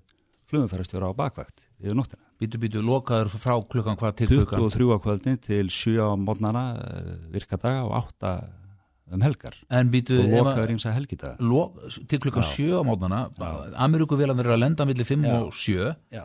og í þessu tilfelli er vélina að koma frá Seattle. Hvernig getur Reykjavík hljótu verið varaflugvöllur ef hann er lokaður? Það úrræði sem er til staðar er að opna völlin uh, með uppgefnum 15 minna fyrirvara en þá er fenginn sko, ekki flugumferðarstjóri heldur loftskitamaður upp í flugturn til þess að kveikja ljósin og uh, hans hlutverk er að veita það sem er kallað flugupplýsingaþjónusta raunir bara upplýsingar um veður Mhm. og uh, brautaskilirði og annað hann er ekki flugumferðarstjóri þannig að hann tryggir ekki aðskilnað, hann stýrir ekki umferðinni Mm. það er ekki fyrir sjö á mótnana sem sá maður kemur á vakt sko. Mm.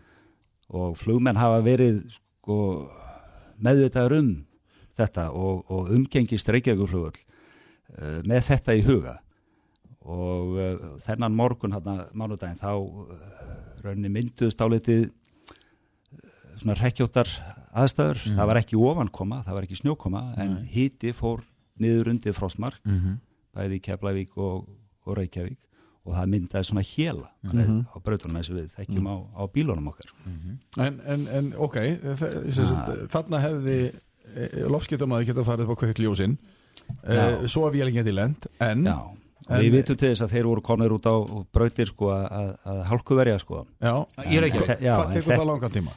Það er nefnilega svo misjátt sko en, en þau úrræði sem að gripi til þarna þau döðu greinlega ekki til sko. Mm. Og býtu, hvað vantaði upp á að til þess að það væri hægt að lenda Ég hef ekki fengið haldbara upplýsingar um það sko en, en það er ímist sandur eða sérstök efni sem er dreift á brautina Nei, ég meina vantaði lofskitamann, kom hann í törnum, Já, veistu þetta, það? þetta er raunni sko starfsmenn flugvallaþjónustunar Reykjavík flugvalli sem, sem sinna þessu Já. en þeir eru ekki nema þrýr á vakt sko Já. þannig að það er í mörg hotna líta stóru heimili Reykjavík bannar þetta, þú sér að lokar á hvaða forsendum er. Reykjavík, veistu það? það er nú það, það er sjálfsagt háaðavarnir sko það eru þetta að takmarka umferð eh, með öðrum úrræðum heldur en að krefast þessar ekstraðali flugvatarins skellir hreinlega í lás Mm. og loki flugvallunum fysiskt bara frá 23 til 7 Þetta er Gengur mjög- það upp ef hann er varaflugur Þetta- í millilandaflugi?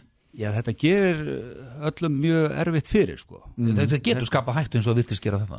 Já, það gerir það, ónættalega Þannig að þetta gengur ekki upp. Já, en flugmenn eins og ég segi eru almennt meðvitaður um þetta og, og, og reyna að taka, hafa þetta í huga sko, að, að þessi 15 mínútna útkallstími hann getur staðist á, á góðum degi, hann getur getur bröðið til begja vona. En það var uh, þegar menn skoða veðu skeiti þessa nótt að þá voru ein- einhver svona uh, sterkar vísbendingar um að svona ástand geti skapast sko. Nei, En við vitum en aldrei hvernig Ísland er Já, sannarlega Já, og, og, og, og flugið frá síðall til Íslands tekur hvað? Sjö, sjö, sjö tíma? já. Það getur svona ímislegt gert á sjö Já, tímum heldur betur og, og við sjáum það líka að vélar hafa millilend sko á, á Affinlandi sko, mm. prófið til að taka elsniti á leginni til keflaðugur, einmitt út af Já. ómæntum aðstæðan. en, en þannig að uh, ef þú ert flugstjóri um borði í flugvel í Seattle og færð uppgefið að Reykjavík flugvöll er að vara flugvöllurinn Já. þá veistu það að það gæti orðið vesen Já, já, menn skoða þetta allt mjög göngjæðlega og, og, og taka jáfnvel meira elsniti sko, til að eiga svona upp í, upp í erminni sko. Já, en, en eins og í þessu tilfelli hvað, hvar var uh, þessi vél með mikið upp í erminni? Ég hef ekki upplýsingar um það sko. Nei. En, en venjulega ef, ef að þú er í flugstjóri að leggja staða frá Já, Seattle 10-20 mínútur sko. Já. Þetta er Var hún ekki þetta búin að tíma, sveima sko. eitthvað yfir keflavík? Hún var búin að fara inn til endingar þannig að hún eitti bensinni og koma sér upp á- aftur ekki? Já, ég hef ekki séð fyrir nákvæmlega, þetta, þetta er í, í rannsókn og, Já, já. og þessi mynd á eftir að framkallast sko, menn er eftir að draga En- af því auðvitað. En með brautina sem að ég nefndi hérna sem að hefði verið hægt að nota í keflavík en var ekki tilbúin Já, um, á veturna er, er keflaðugufljóðlur reikinn þannig að, að þetta eru tvær flugbreytir, tvær mm. 3000 metra breytir og um, það er aðeins önnur þeirra hreinsuð þeir leggja sér fram við það að halda alltaf einni braut opinni mm. og ef eitthvað óvænt gerist að þá eru menn eh, já, ég vil kannski segja á byrjunareit en, en þá þurfa menn að, að taka til óspiltra málana, að reynsa hinnabrautina Mhm. og, og það getur tekið sko, allt frá 15 mínúndum upp í kannski hálf tíma sko. Já, og það á bæði við um ef það er bara ísing eins og nefndir Já. áðan og uh, þegar það er ofankoma Já, eitthvað. eða snjór Já. og þeir vakta þetta mjög vel þetta er, þetta er, hérna, eru góðu vinnir okkar og hérna, vænsta fólk í Keflæk og við erum mjög gott samstarfið á Já. og þeir eru með sko með hítamela ofan í flugbröndinni þannig að þeir, þeir vakta þetta alveg eins og vísindamenn sko þeir eru allir að vilja gerðir Já. en, en, en því miður að þá En Það er bara spurning hvernig aðstæðum þeim Já. er, er búnar. En, en má ég spyrja þig með að við allt sem gekk á? Já, þannig að það, það er alveg ljóst að það er eitthvað sem var ekki í, eins og ætti að vera. Já, það satt best að segja þá, þá er það óeðilegt að kefla ykkur flugullur hafi orðið óstarfhæður Já. þennan morgun. Það, það er ekkit launungamál og, og ég veit að, að, að vinnir okkar hefur ísæfið munu leysa það. Já, en síðan er þetta með þessar vélar skilst mér, Já.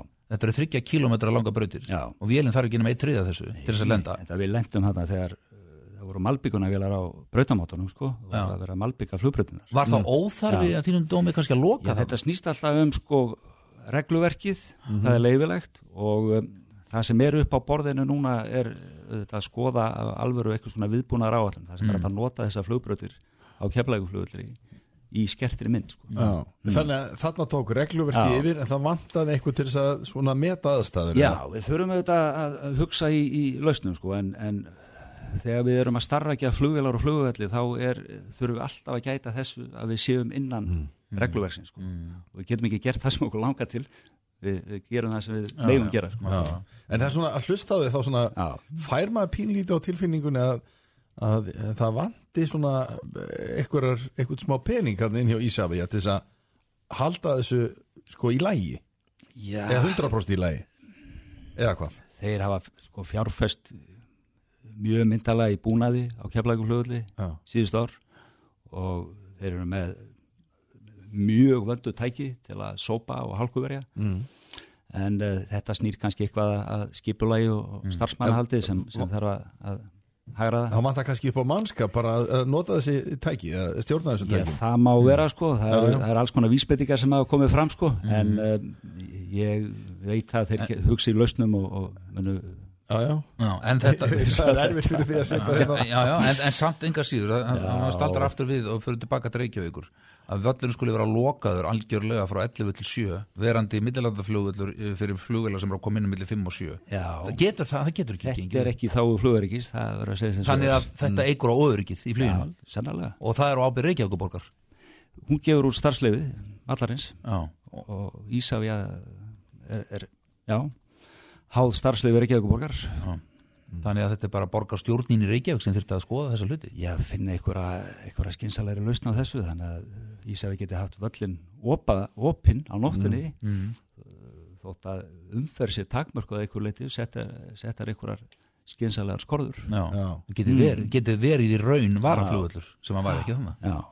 en hann er ekki sá eini svo eru við með þessa tvo út á landi sem þarf að fara að sinna betur. Já, já. En, en félag íslenskra að örgisnefndir mun senda frá sér einhverja tilkynningu í dag Já, vantarlega við höfum alltaf hvart flugmenn til þess að umgangast Reykjavík flugull af, af varfarni á þessum tíma og Já. þegar skilir þið eru slík og, og það er ekki ósennilegt að við áréttum það Allir ósk eftir einhverjum, einhverjum fleiri upplýsingum varandi þetta eða, eða þarf að rannsaka þetta fyrst eða? Já, rannsóknarnefnd samgönguslýsa slýsa er, er ósjálfrátt núna að, að rannsaka þessi atbyrðrás Mhm. og við eh,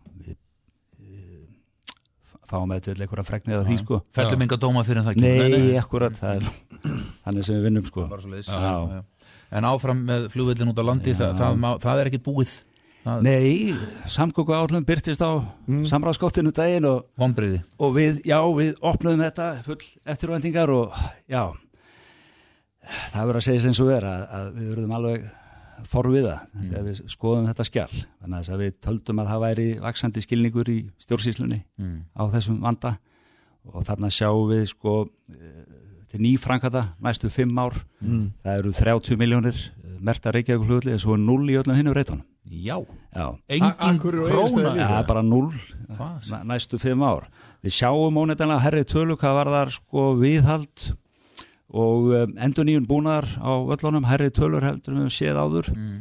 svona pilinu 400-550 miljónir ári Mm. en það nægir samt ekki til þess að stitta verkefnalistan sem liggur fyrir Mm. sem telur nýju blaðsýður. Já, þannig að vandamál að halda áfram Já, þetta Ísafi hefur gefið þá að það þurfi 600-700 miljónir á ári til þess að halda þessum flugvöllum í standi Mhm. og þetta er verkefnalisti sem auðvitað það var í myndalegt að stjórnvöldum að reyna hann kannski nýr í tværblæðsuður á næstu fimm árum á þess að minka letrið Já. Og, og, og þar með talið þá hvað stekka flugluðin á, á. Egilstöðum og Akureyri og menn vilja setja eigilstaði í forgang og það helgast að því að flugbröndin þar liggur undir stór skemmtum á næstu átjá mánuðum þannig að það þarf að malbygga flugbröndina hún er um 26 ára gömul mm. og það er ekki gert öru sem að reysa malbygguna vesmiðu á staðnum og þá liggur það í augum uppi að nýta þau úrræði til þess að byggja samsíða akbraut Mm, meðfram flugbröndinni og stækka fluglæði að ykkur marki. En eigilstæðir og akureyri, þessi flugullir koma ekki hvort í staðin fyrir annað, þeir hafa svo ólíka flugtæknilega eiginleika, þeir geta verið sko opnir og lokkaðir á, á Akkurat. þannig að á akureyri er, er mikið af efninu, hratinu og göngunum komið þarna út í Mm hóllin fyrir norðan flugstöðina. En það er ekki búið að hanna þetta ennþá. Nei, en segðu mér og, með eiginst að komið til þetta verkefni kosta þessi? Það kostar með sagt um 1 miljard að endurmalbygga flugbröðina. Það er ekki meira. Nei, mm. og samsíða agbröð uh, kostar líklega 1,3-1,5 miljardar. Já, við erum búin að tala um öryggi. Já, við erum að tala um, um almanahagsmunni og, mm. og mhm. flugöryggi og það er ekki eins og þetta sé ykkur jæðarstarf sem í, í samfélaginu. Flugregstur stendur undir 13% af landsframstu. Þetta er 7 áttfalt herra mm. hlutfall þetta eru löndunum í kringum okkur mm. eh, Talaðu um flughlaðið á Akureyri ég Já. tók eftir því á mánundagin það voru tvær eh, þóttur það var, það var ekki pláss fyrir fleiri eða hvað Það hefði orðið erfitt Já. en sem betur fyrir var flughlaðið nánast tómt mm. en það er ekki þannig alla daga stundum er flughlaðið á Akureyri hálf fullt af engað þóttum og allskynsvílum og það má satt best að segja lítið út að bera til þess að flugvöldinu þar teppist þannig að það er bara ein tenging sko, ein akbraut frá flughlaðinu sem er svo frímerki Mhm. inn á flugbrautina og það hefur gerst að, að sjúkravélin kingarinn hefur lokast þarna inni sko, og ekki komist í útkall og tafist um tíu mínútur sko. Já. það er mjög óþægilegt og getur skilað á milli Já, Yngvar Mm. Tryggvason, formaður öryggisnefndar uh, FIA, félag íslenskara aðtunum Takk kjærlega fyrir komuna Takk svo þess Hlustaðu hvena sem er í bítið hlaðvarp. En nú ætlum við að snú okkur að öðru. Já, e, það er þetta með e, Sælabankamálið og e, RÚF Og Það- samherja, já. Já, nákvæmlega. E, Það er að segja e, þáttur RÚF í þessu samherja Sælabankamáli Var hann einhver, e, var það eitthvað sem skipti máli eða ekki? Já, og þau eru sest hérna hjá okkur Pál Magnússon, Þingmaður og Ólöf Skaftadóttir, fyrirum er rítstjóri fyrir þetta blaðsins Þú segja svo oft í morgun í þessu fyrirverandi mér finnst þetta Er það, er það vond? en það er, það er einhver logið. En viltu ég segja rítstjóri þetta blaðsins á tímabilinu? Já, mér finnst það flott. Já. Nú það það nú vart að kynna Pál Magnússon verið í fjölmjölum frá því að fjölmjöla voru fundir upp með einum öðrum Það hætti. byrjaði þetta áður þeim þeim fundinu en uh, formaður alls er á metamálunemnda líka uh, aðeins með, með uh, selabankamáli, bara fyrst málið áður en við kannski komum að rúf Pál, hvað segir um það? Já, þetta eru tvö mál og ég held að verða að halda þessu aðgreindu uh, og kannski í umræðinu er búið að blanda þessu tvennu og mikið saman. Það er að segja annars vegar framganga seðlabankans, skakvart samherja, þar sem ég tek bara undir með forsvarsmönnum samherja, fórstjóranum, Þorstinni Má, að var að mörguleiti forkastanleg og uh, eiginlega svona óafsakanlegu partur af þessum eftirhrunsmálum öllum.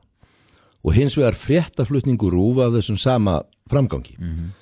Þetta tvent er aðskilið. Eh, Ég hef heyrt eh, Þorstein Má til dæmis vilja tengja þetta tvent saman að það hefur verið að ferðin eitthvað skonar samsæri þessara tvekja stofnana, Sæðlabankans og Ríkisútvarpsins, gegn samherja. Það hafa minnst að kosti ekki verið lögð fram neinn gögn sem styðja þá staðhæfingu. Við verðum með öðrum orðum að gera, grei, gera, gera greina mun á því og hérna komum við að svona klassísku atriði varðandi lega, svona whistleblowers og flautara, að sko legar út úr stofnunum á borð við seðlabankan, lögreglu, valdastofnunum í samfélaginu eða fyrirtækjum geta verið að tveimur ástæðu. Það er að segja þegar við tölum um tilgang þess sem legur. Það geta verið göfugar ástæður. Þú vilt koma ykkur á framfæri sem menn er að reyna að leina, þú vilt hérna hlýfa einhverjum eða þú vilt sem sagt hérna koma upplýsingum til almenning sem varða almenning og eiga sér bara göfuga rætur. Þú getur líka verið með ógöfugar ástæður. Það getur einhver einstaklingur inn í einhverju stopnun, valdabatteri, hvar sem er, ofinbæra geiranum eða inn í fyrirtækjum, vilja ná sér niður á einhverjum eða hefna sín á einhverjum eða koma einhverjum illa. Mm -hmm. Gagvart fjölmiðlinum sjálfum í fréttalegu samhengi skiptir þetta ekki máli. Er lekin og það er staðrindir sem verið er að koma framfæri réttar eða rángar, mm. alveg burt séð frá ástæðum þess sem lekur. Þannig að eh, eins og þetta liggur fyrir þarna þá hefur ríkisútvarpi vittnesku um það öruglega eftir mjög óeðlilegum leiðum að það er að fara fram þessi húsleitt þarna daginn eftir og gerir fréttin um það og tekur myndir af þessu. E, lekin sjálfur og núna er að fara fram lauruglur ansókn á þýmáli, e, hann getur hugsanlega verið sagnæmur og það verður bara lauruglur ansóknun að leiða í ljós með hvaða hætti það bara að. Mm. fréttin um það að Sæðlabankin og ef ég mann rétt þá voru einhverju aðrir aðila líka aðilar að þessari húsleitt eh, hún stendur og það er alltaf frétt og það er út af fyrir sig fréttnæmt ef eitthvað batteri á borðu Sæðlabankan gerir húsleit hjá einu stærsta fyrirtæki í landinu.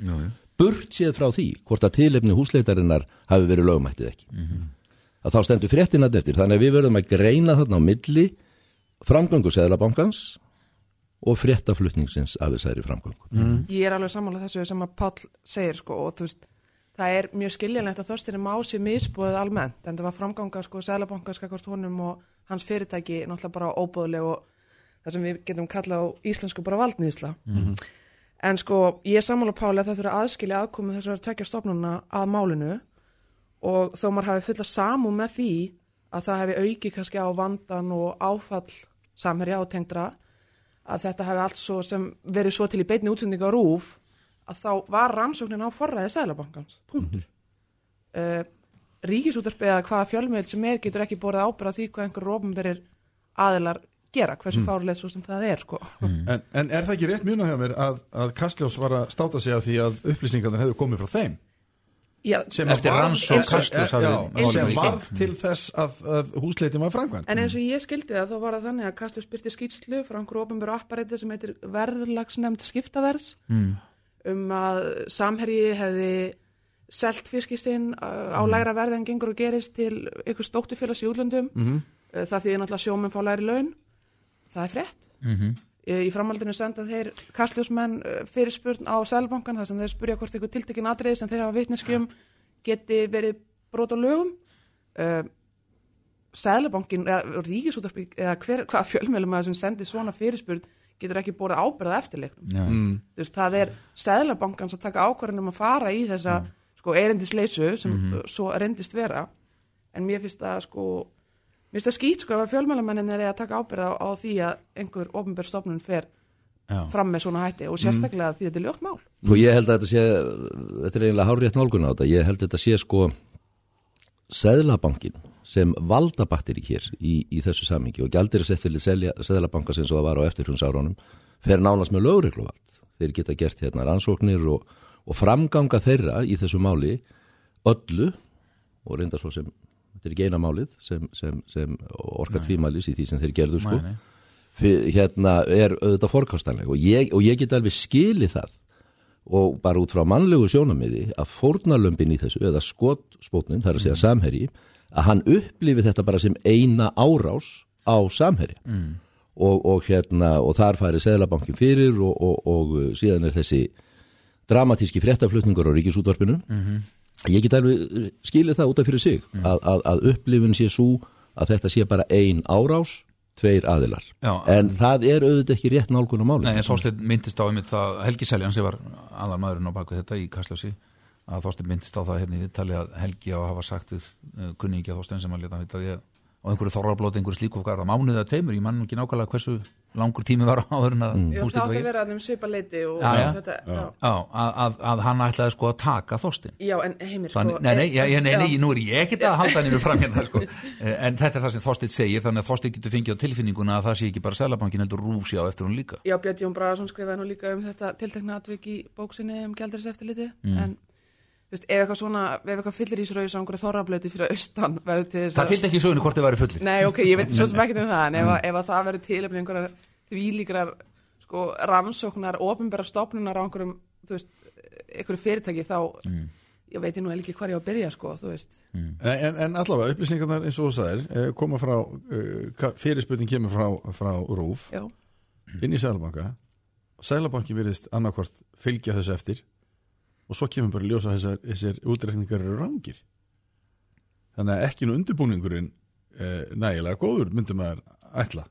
Nei, en menn meg ekki ruggla saman sko, sko nú þekki ég þetta ekki smáadru málið ber að mér sem útastjóra á sínum tíma, mér minnir að það hafi bara verið daginn áður en fréttin byrtist eða sem sagt daginn áður en að húsleitin í gerð að þá komið þeir reitstjóri Kastljós og Helgi Seljón á minn fund og, og eins og var bara algengt ef mér voru að fara í eitthvað viðkvamál sem þeir vissu að útastjóri á hverjum tíma þurfti síðan að standa til svars fyrir að þá láta þeir að vita. Og ég sem sagt vissi af því deginum áður en að fréttin af þessi í gerð að Kastljós daginn eftir yrði um þetta mál og að þeir vissu að það ætti að fara fram húsleit.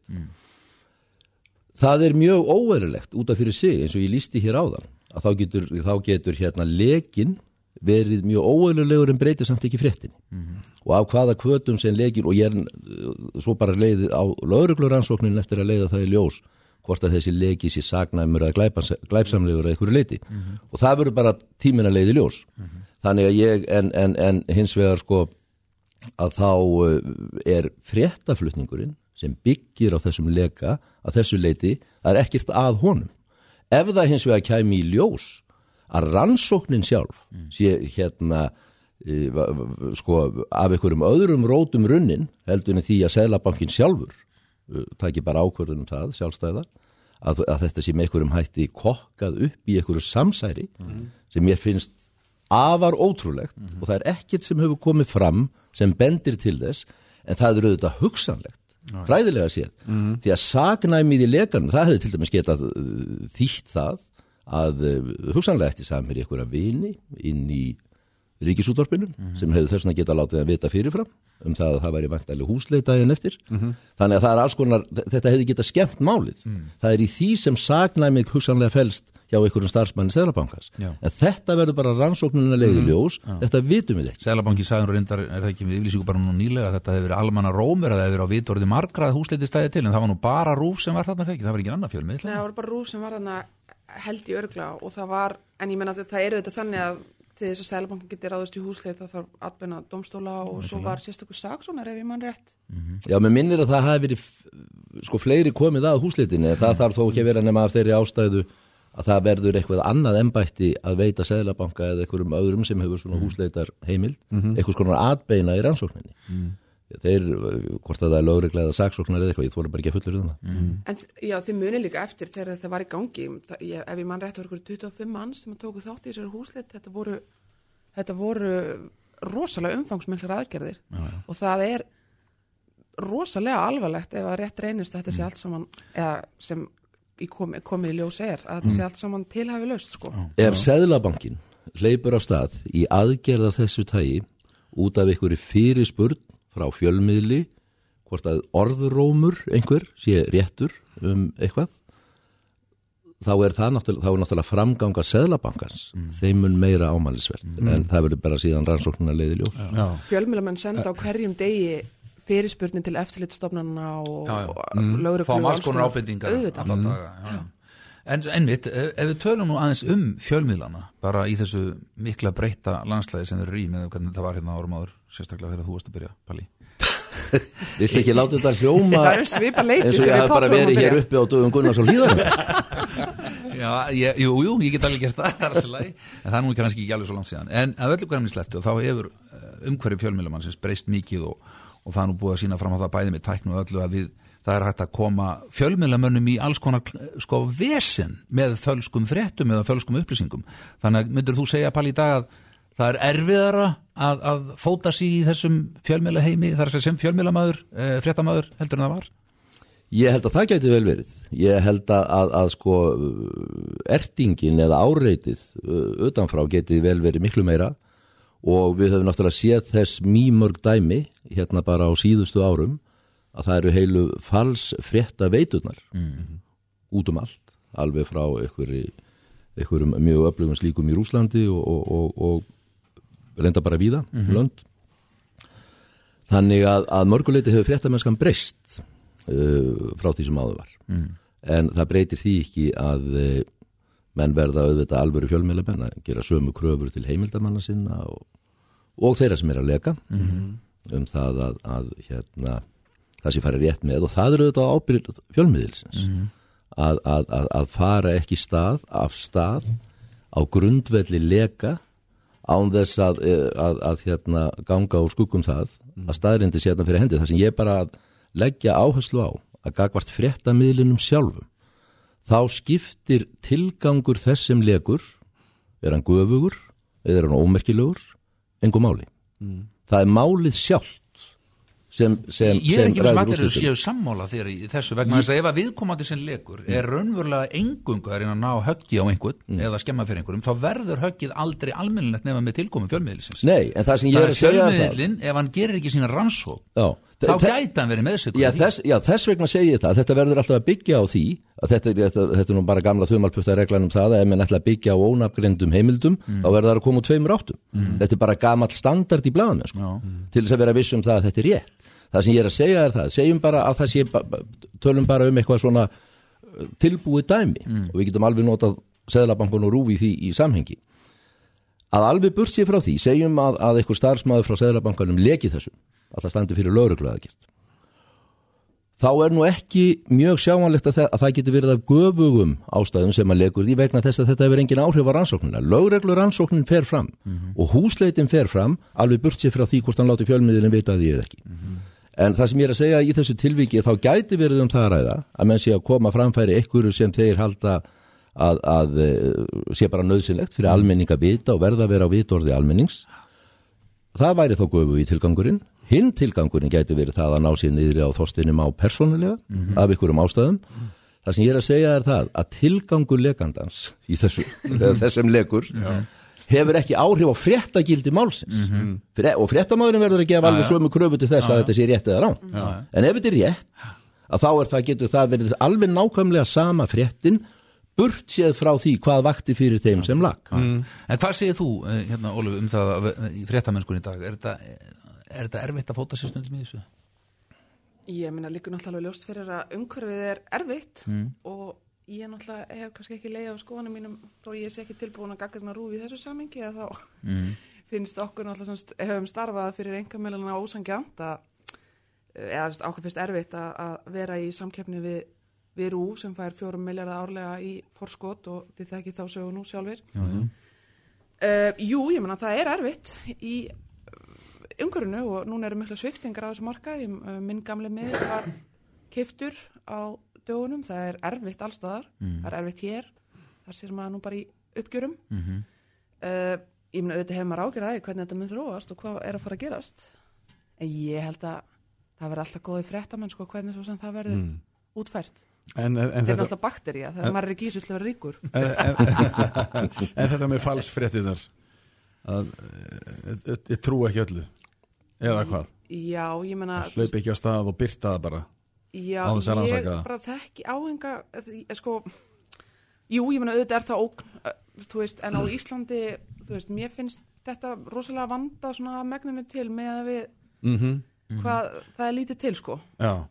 En en geta fjölmjölumenn alveg fría sig frá fyrir ábyrð að byrta ekki bara hvað sem er réttir að þeim og, og Ný, ég meina, blaðmenn starfa eftir sérreglum og þurfa að uppfylla... ja, svo segja síðarreglunar býtu hvað, jú, jú, þú braust síðarreglunar búið.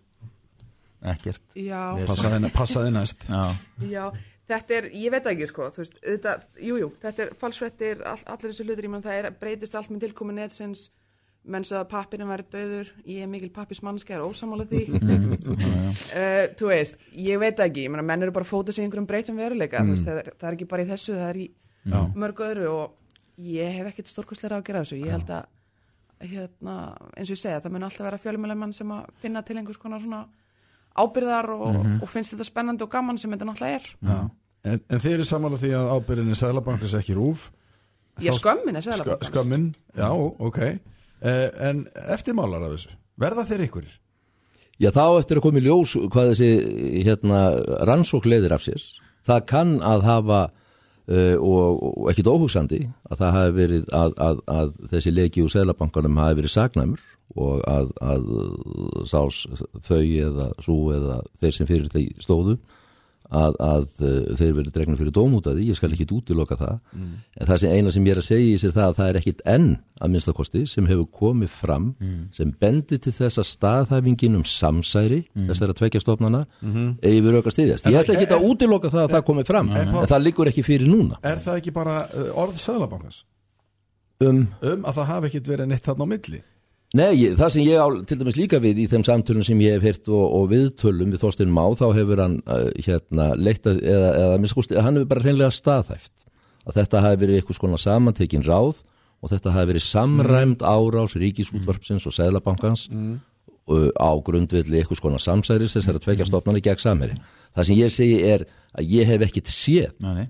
Sem, sem hérna rökstýður þessa staðhæfingu Mhm. uh, séu, fyrir hendi, sé, séu þau rök fyrir hendi þá hljóta þau að koma fram við rannsóknina. Getur verið að fórsættisráðara viti eitthvað sem við vitum ekki og það sé ástæðan baki því og hún byrður lögum að rannsaka? Þorsteinn segir að sé eitthvað minnisblaðna, ég veit svo sem ekki. Jú, jú, hann er ekki Ég bara veit það ekki. Nei. og ég veit þetta er náttúrulega mjög óvenjuleg uh, óvenjulegur aðdragandamáli að, það, að einhverju sé beint frá fórsættisráþurra Mhm. uh, til lögreglu um uh, sko þriðja og fjórða aðila Mhm. það, þetta er mjög óvenjulegt en ég veit svo sem ekki hvað líkur að það baki En eins og segir, lögreglur rannsókn nú er búið að vísa þessu þangað Já. og lögregla færi vantalega að sjá afrit af þessum tölvupost samskiptum hann á milli það, ég ger bara ráð fyrir því já. Mm. Ég held að sé bara mikilvægast að Sælabankin dragi lærdum af þessu máli. Þetta er bara, þetta mál er, þú veist, nú er komið nýr maður hann í brúna. Mm. Uh, þetta er náttúrulega, þetta samræðmál þó að það sem er að fyrirrennari hans í starfi Már Guðmundsson hefur á samvinskunni. Mm. Uh, að- ég, ég meina, ég man ekki hvað það var mikið, hann útdeildi einhverjum stjórnvaldsektum hann upp á einhverjar 100 okkar miljónir, ég held að 99% hafi verið, hausinn. Já. Já. En, en eru þetta, e, svo hefur nú verið kakrind líka að bara Sæðlabankin ætti ekki að vera að standa í svona Já, þetta voru náttúrulega tímabunnar heimildir og þetta verið ákum hérna einhvern haftabúskap uh, og þar voru umdeildar þessar heimildir og það er, svona, er alveg ótrúlegt hvað þið gengur hart fram mm -hmm.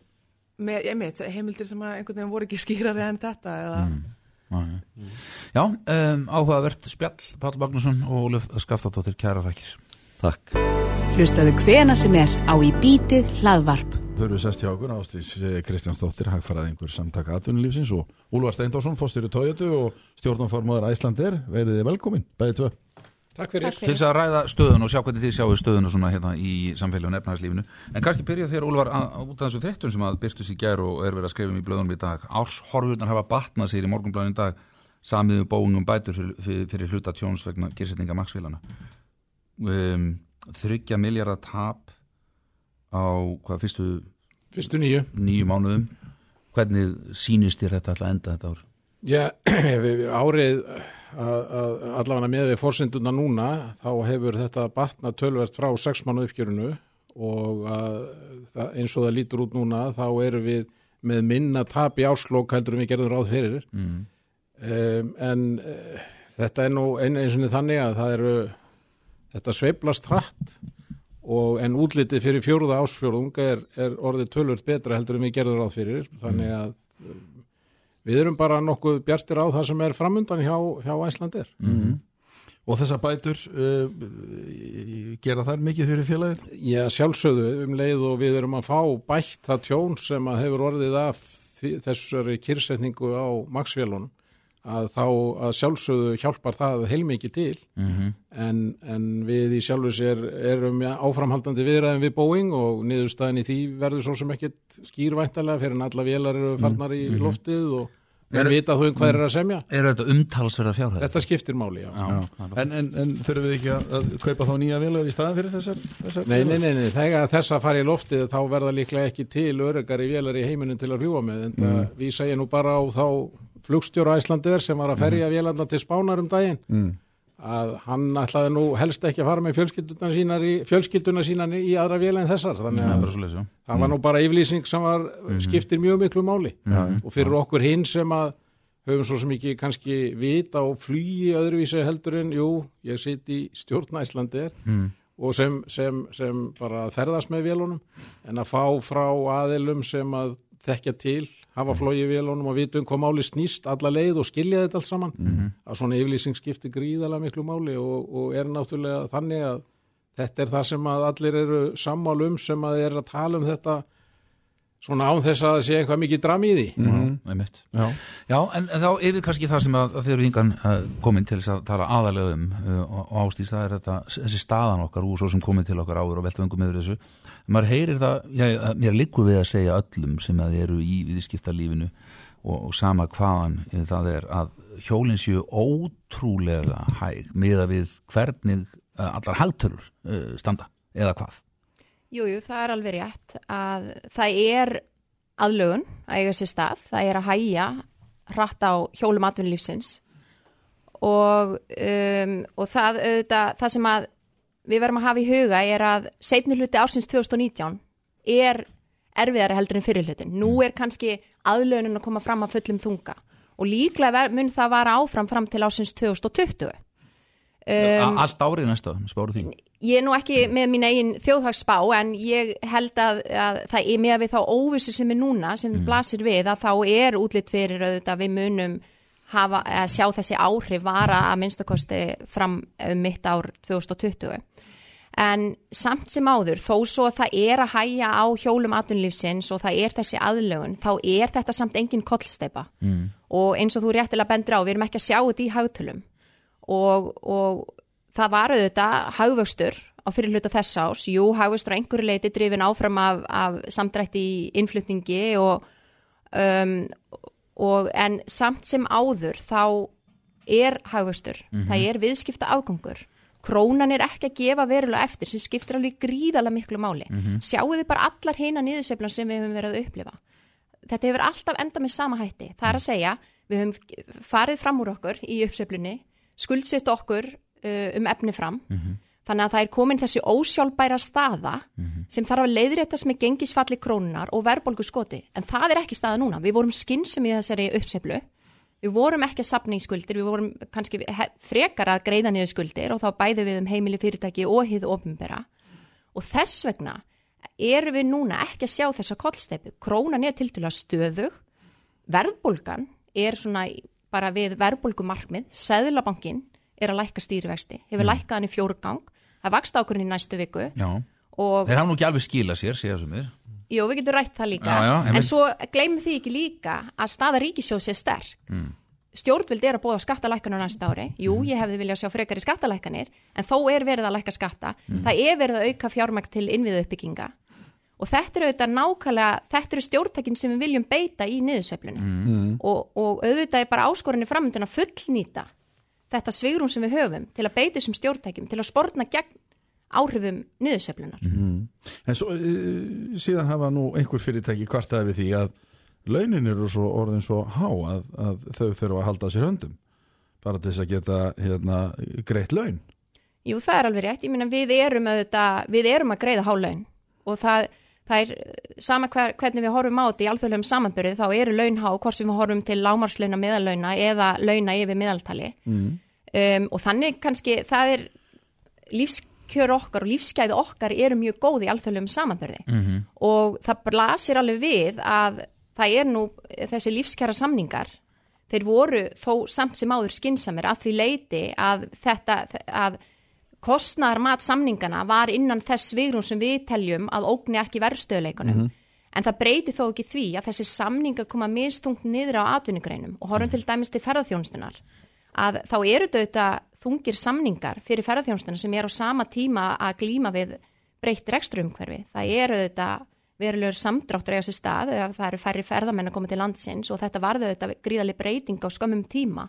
Þannig að, að þetta hefur auðvitað áhrif og þess vegna eru við að sjá það núna mm -hmm. að fyrirtæki er að hægra það til að geta mætt þessum kostnaði Já. á næstu árum Úlvar, þú kannski sittur það tveimur sjónarhólum en getur morðað þannig sem stjórnarhólum er Æslandi er og, og svo náttúrulega að reyka Toyota uh, hvernig, ef við byrjum á bílunum hvernig er bílarsann til dæmis verið? Finnir þetta þar? Já, það, það er alveg klárt og í rauninni lág alveg ljóst fyrir setni hluta ásins 2018 varðandi bílamarkaðan að það erði erði tölverðu samdráttur þar. Og ástæðan er tiltölu einföld. Uh, það var búið að vera gríðalegur uh, gríðaleg fjölgun á bílaleigum og þær leigur sem voru fyrir höfðu líka fjárfest gríðalega mikið í bílum út af þessum vexti sem hafi verið í ferðarþjónustunni og það lág alveg ljóst fyrir að það yrði leiðrétting 2019 óháð nánast eh, sko óháð því hvort að eh, váhæði farið óháð því hvernig samningarnir enduðu og, og svo framvegis. Þannig að sápartur var nokkuð, nokkuð augljós og kom kannski ekki á óvart. Það sem aftur á móti kom á óvart er uh, að bæði einstaklingar og fyrirtæki hafa hægt mjög á kaupum almennt á, á, á bílum. Og við fundum fyrir því líka uh, við fundum fyrir því strax höstið 2019, nei 2018 aðalega töldu við að vera vegna þess að þeirra óvissu sem að var með vá á þeim tíma, sem að var með kjara samninga, menn voru yfirlýsingaglæðir um, um hvernig þeir ætlu að, að takast á við þetta, þar að segja verkalýsfóristan.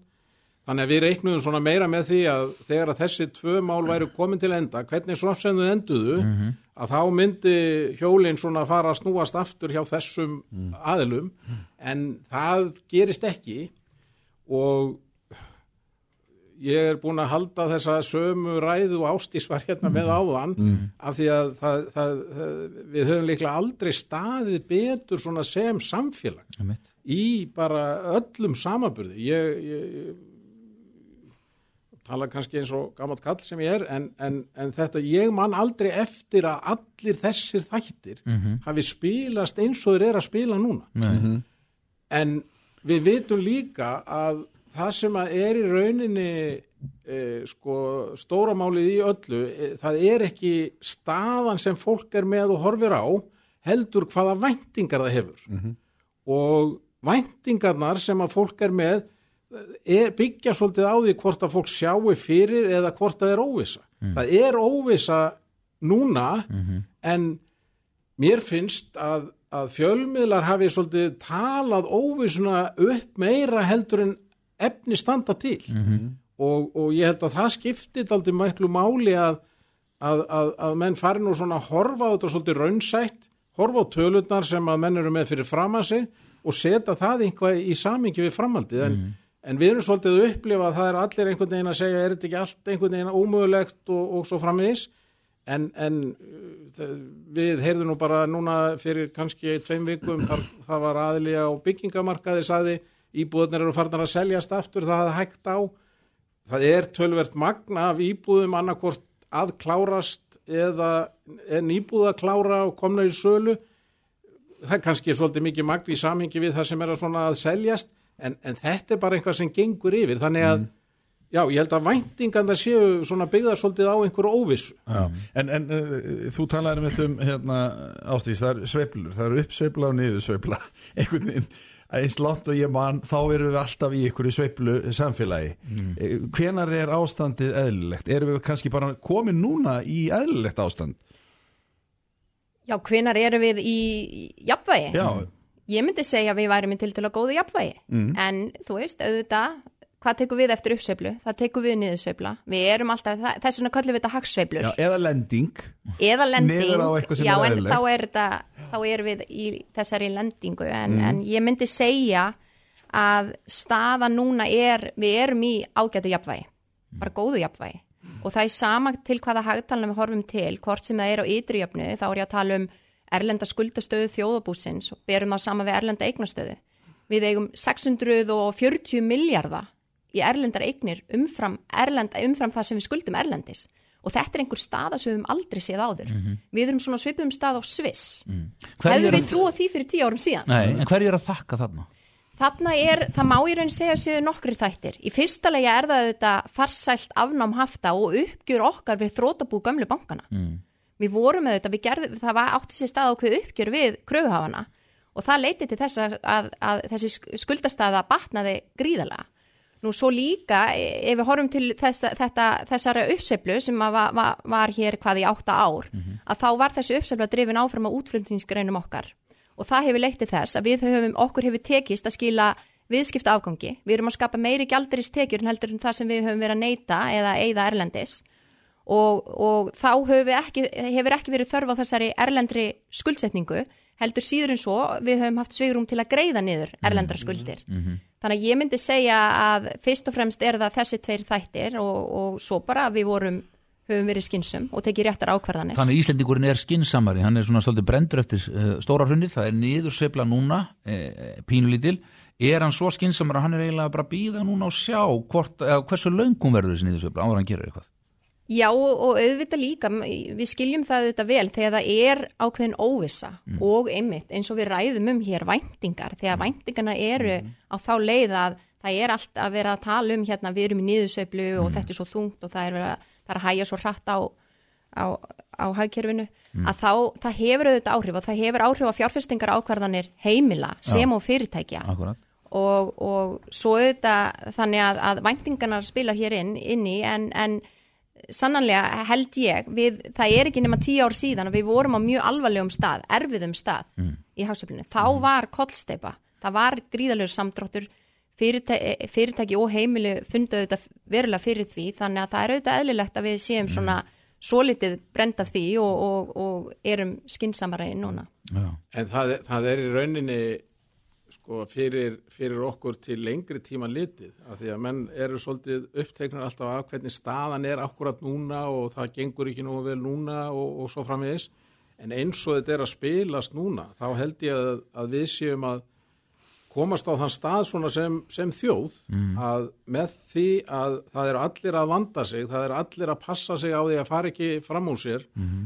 allir, flestir og, og fyrir vikið að þá held ég að fyrir, fyrir okkur, hvort við erum í innflutningi eða útflutningi þá, þá er þetta miklu betra til lengri tíma. Þannig að við erum svona að, að, að, að, að fara kannski aðeins hæga núna akkurat á þessari stundu en miða við allt hérna og við höfum ekki einu svona ennþá talað um gjaldirisvarasjóðin sem er upp á 800 og hvað 40 eða 50 miljardar ég skil ekki þessa tölu hún er svo, hún er, hún er bara þetta er, þetta er bara risa varasjóður sem er líklega, ef einhvað er orðin- orðinu ofstór, hann er svona til vandraða hluta, Mm. en, en ég er bara að segja jafnvægið og, og svo staða sem við erum í, segjar okkur bara að, að, að framundan er, þó það sé ekki einhverjum látum, er bara svona eh, gott ástand sem að við í raun og veru getum hort mjög bjassinn til vegna þess að það er ekkert sem að hægt er að benda á til lengri tíma sem, er, sem er svona uh, mótrækt. Já. Eh, Það sem að maður kannski hræðist er að ef að við ætlum öll að býða, öllum öll að, að, að hérna, sjá til og enginn gerir ekkert, þá náttúrulega hægir hraðar á því heldur en þarf. Já. Og það er svona eina, eina svona áhættan í og hvað þarf til að íta við, já bæði fólki og fyrirtækjum til þess að fara í, það, er, í það er rosalega erfitt að segja til nákvæmlega hvað það er en það er bara þessi óvisa sem að skiptir máli. Á það einhver Já, þátt í því fyrirgjöð að að bankarnir eru sakaður um það að hafi ekki skila vakstalekkunni áfram til fólksins og fyrirtækja? Er það Já, ég ætla einmitt að segja það, við höfum stjórntæki til að bregðast við niðurseflunni og við erum að beita þeim, við þurfum kannski bara að beita þeim meira og ég vona svo sannarlega að það verð, við munum sjá vakstalækkanir í næstu viku vegna þess að mínum að þetta er ekkert sem bendir til annars en að það sé þörf á frekari En það er að fá líka skila sér. En ég ætla að segja, einmitt, ræðum það aðeins að það hefur verið í umræðinni að þessar vakstalækkanir seðlabankar sé ekki að skila sér til heimila og fyrirtækja í, í formi útlánakjara. Að einhverju leiti þá má segja að við verðum að horfa þetta út frá reksturum hverju bankana. Það eru þetta gjör breyting búin að eiga sér stað á reksturum hverju bankana. Eftirlitskerfið er allt annað og svo erum við líka með allt aðra kröfur á bankakerfið í dag. Það er að segja eiginfjárkröfur og aðra reglur. Um, þetta er gert til að styð, styðja við, eða sem sagt styrkja viðnámstrótt bankana. Það er að segja, tryggja það að bankanir geti haldið áfram að starfa og haldið áfram e, í gegnum hvaða sveiflu sem er, í gegnum efnaðans áföll. Þannig að, og, og viðnámstróttu bankana er mjög sterkur.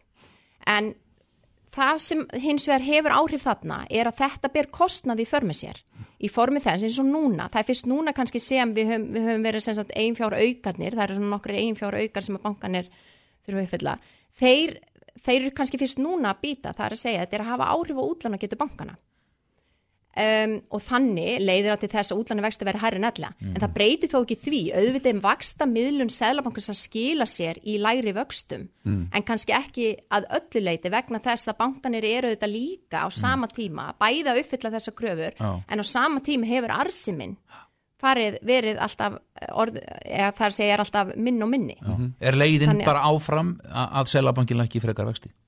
um, miða við, miða við verðbólgu horfur Mm. og hvernig verðbólgu væntingar hafa verið að þróast Mm. þá að mínumati er áfram svigrum til frekari vaksta lækana en það er alveg ótrúlegt í umræðinni mm. umræðinni er í alvörinu komin á þann stað núna Mm. að það er verið að ræða það að við séum komin niður á gólfinu það er að segja að það sé ekki svigrum til frekari vaksta lækana Einmitt. en það er bara galið, við verðum að við erum, hvað eru stýrvestir í 325 í dag Já. Horfum á það sem er að gerast erlendis Akkurat.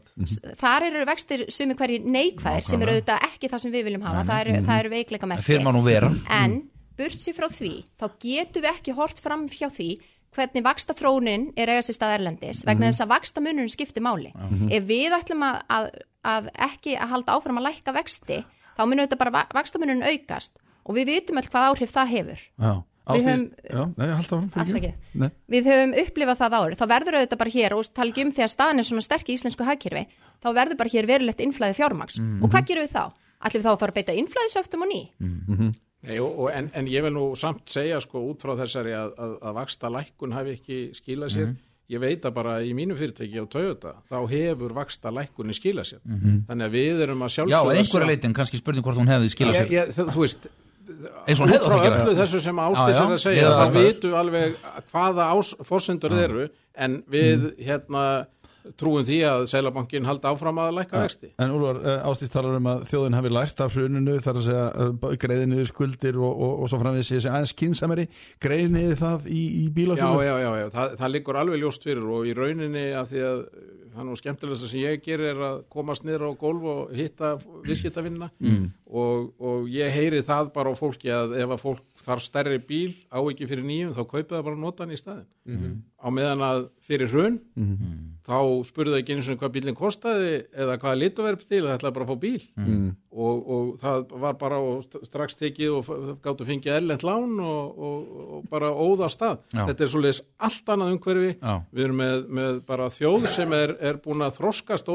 ótrúlega rætt á tíu árið, nei það er bara þannig. Já, já. Það, það, það er bara þannig. Kannski sem betur fyrr það er bara æðislegt. Já, þannig að við þurfum ekki að kvíða næstu árum ég, segið alls ekki, Nei. alls ekki, bjart framundan. Bjart framundan, Úlfar Steindorsson, fórstjóri Tóðat og stjórnumhólmar Æslandi og Ástís Kristjánsdóttir Hagfræðingur, Essa, kæra þakkir. Takk fyrir. Þú ert að hlusta á í bítið, hlaðvarp, brot af því besta úr vikunni.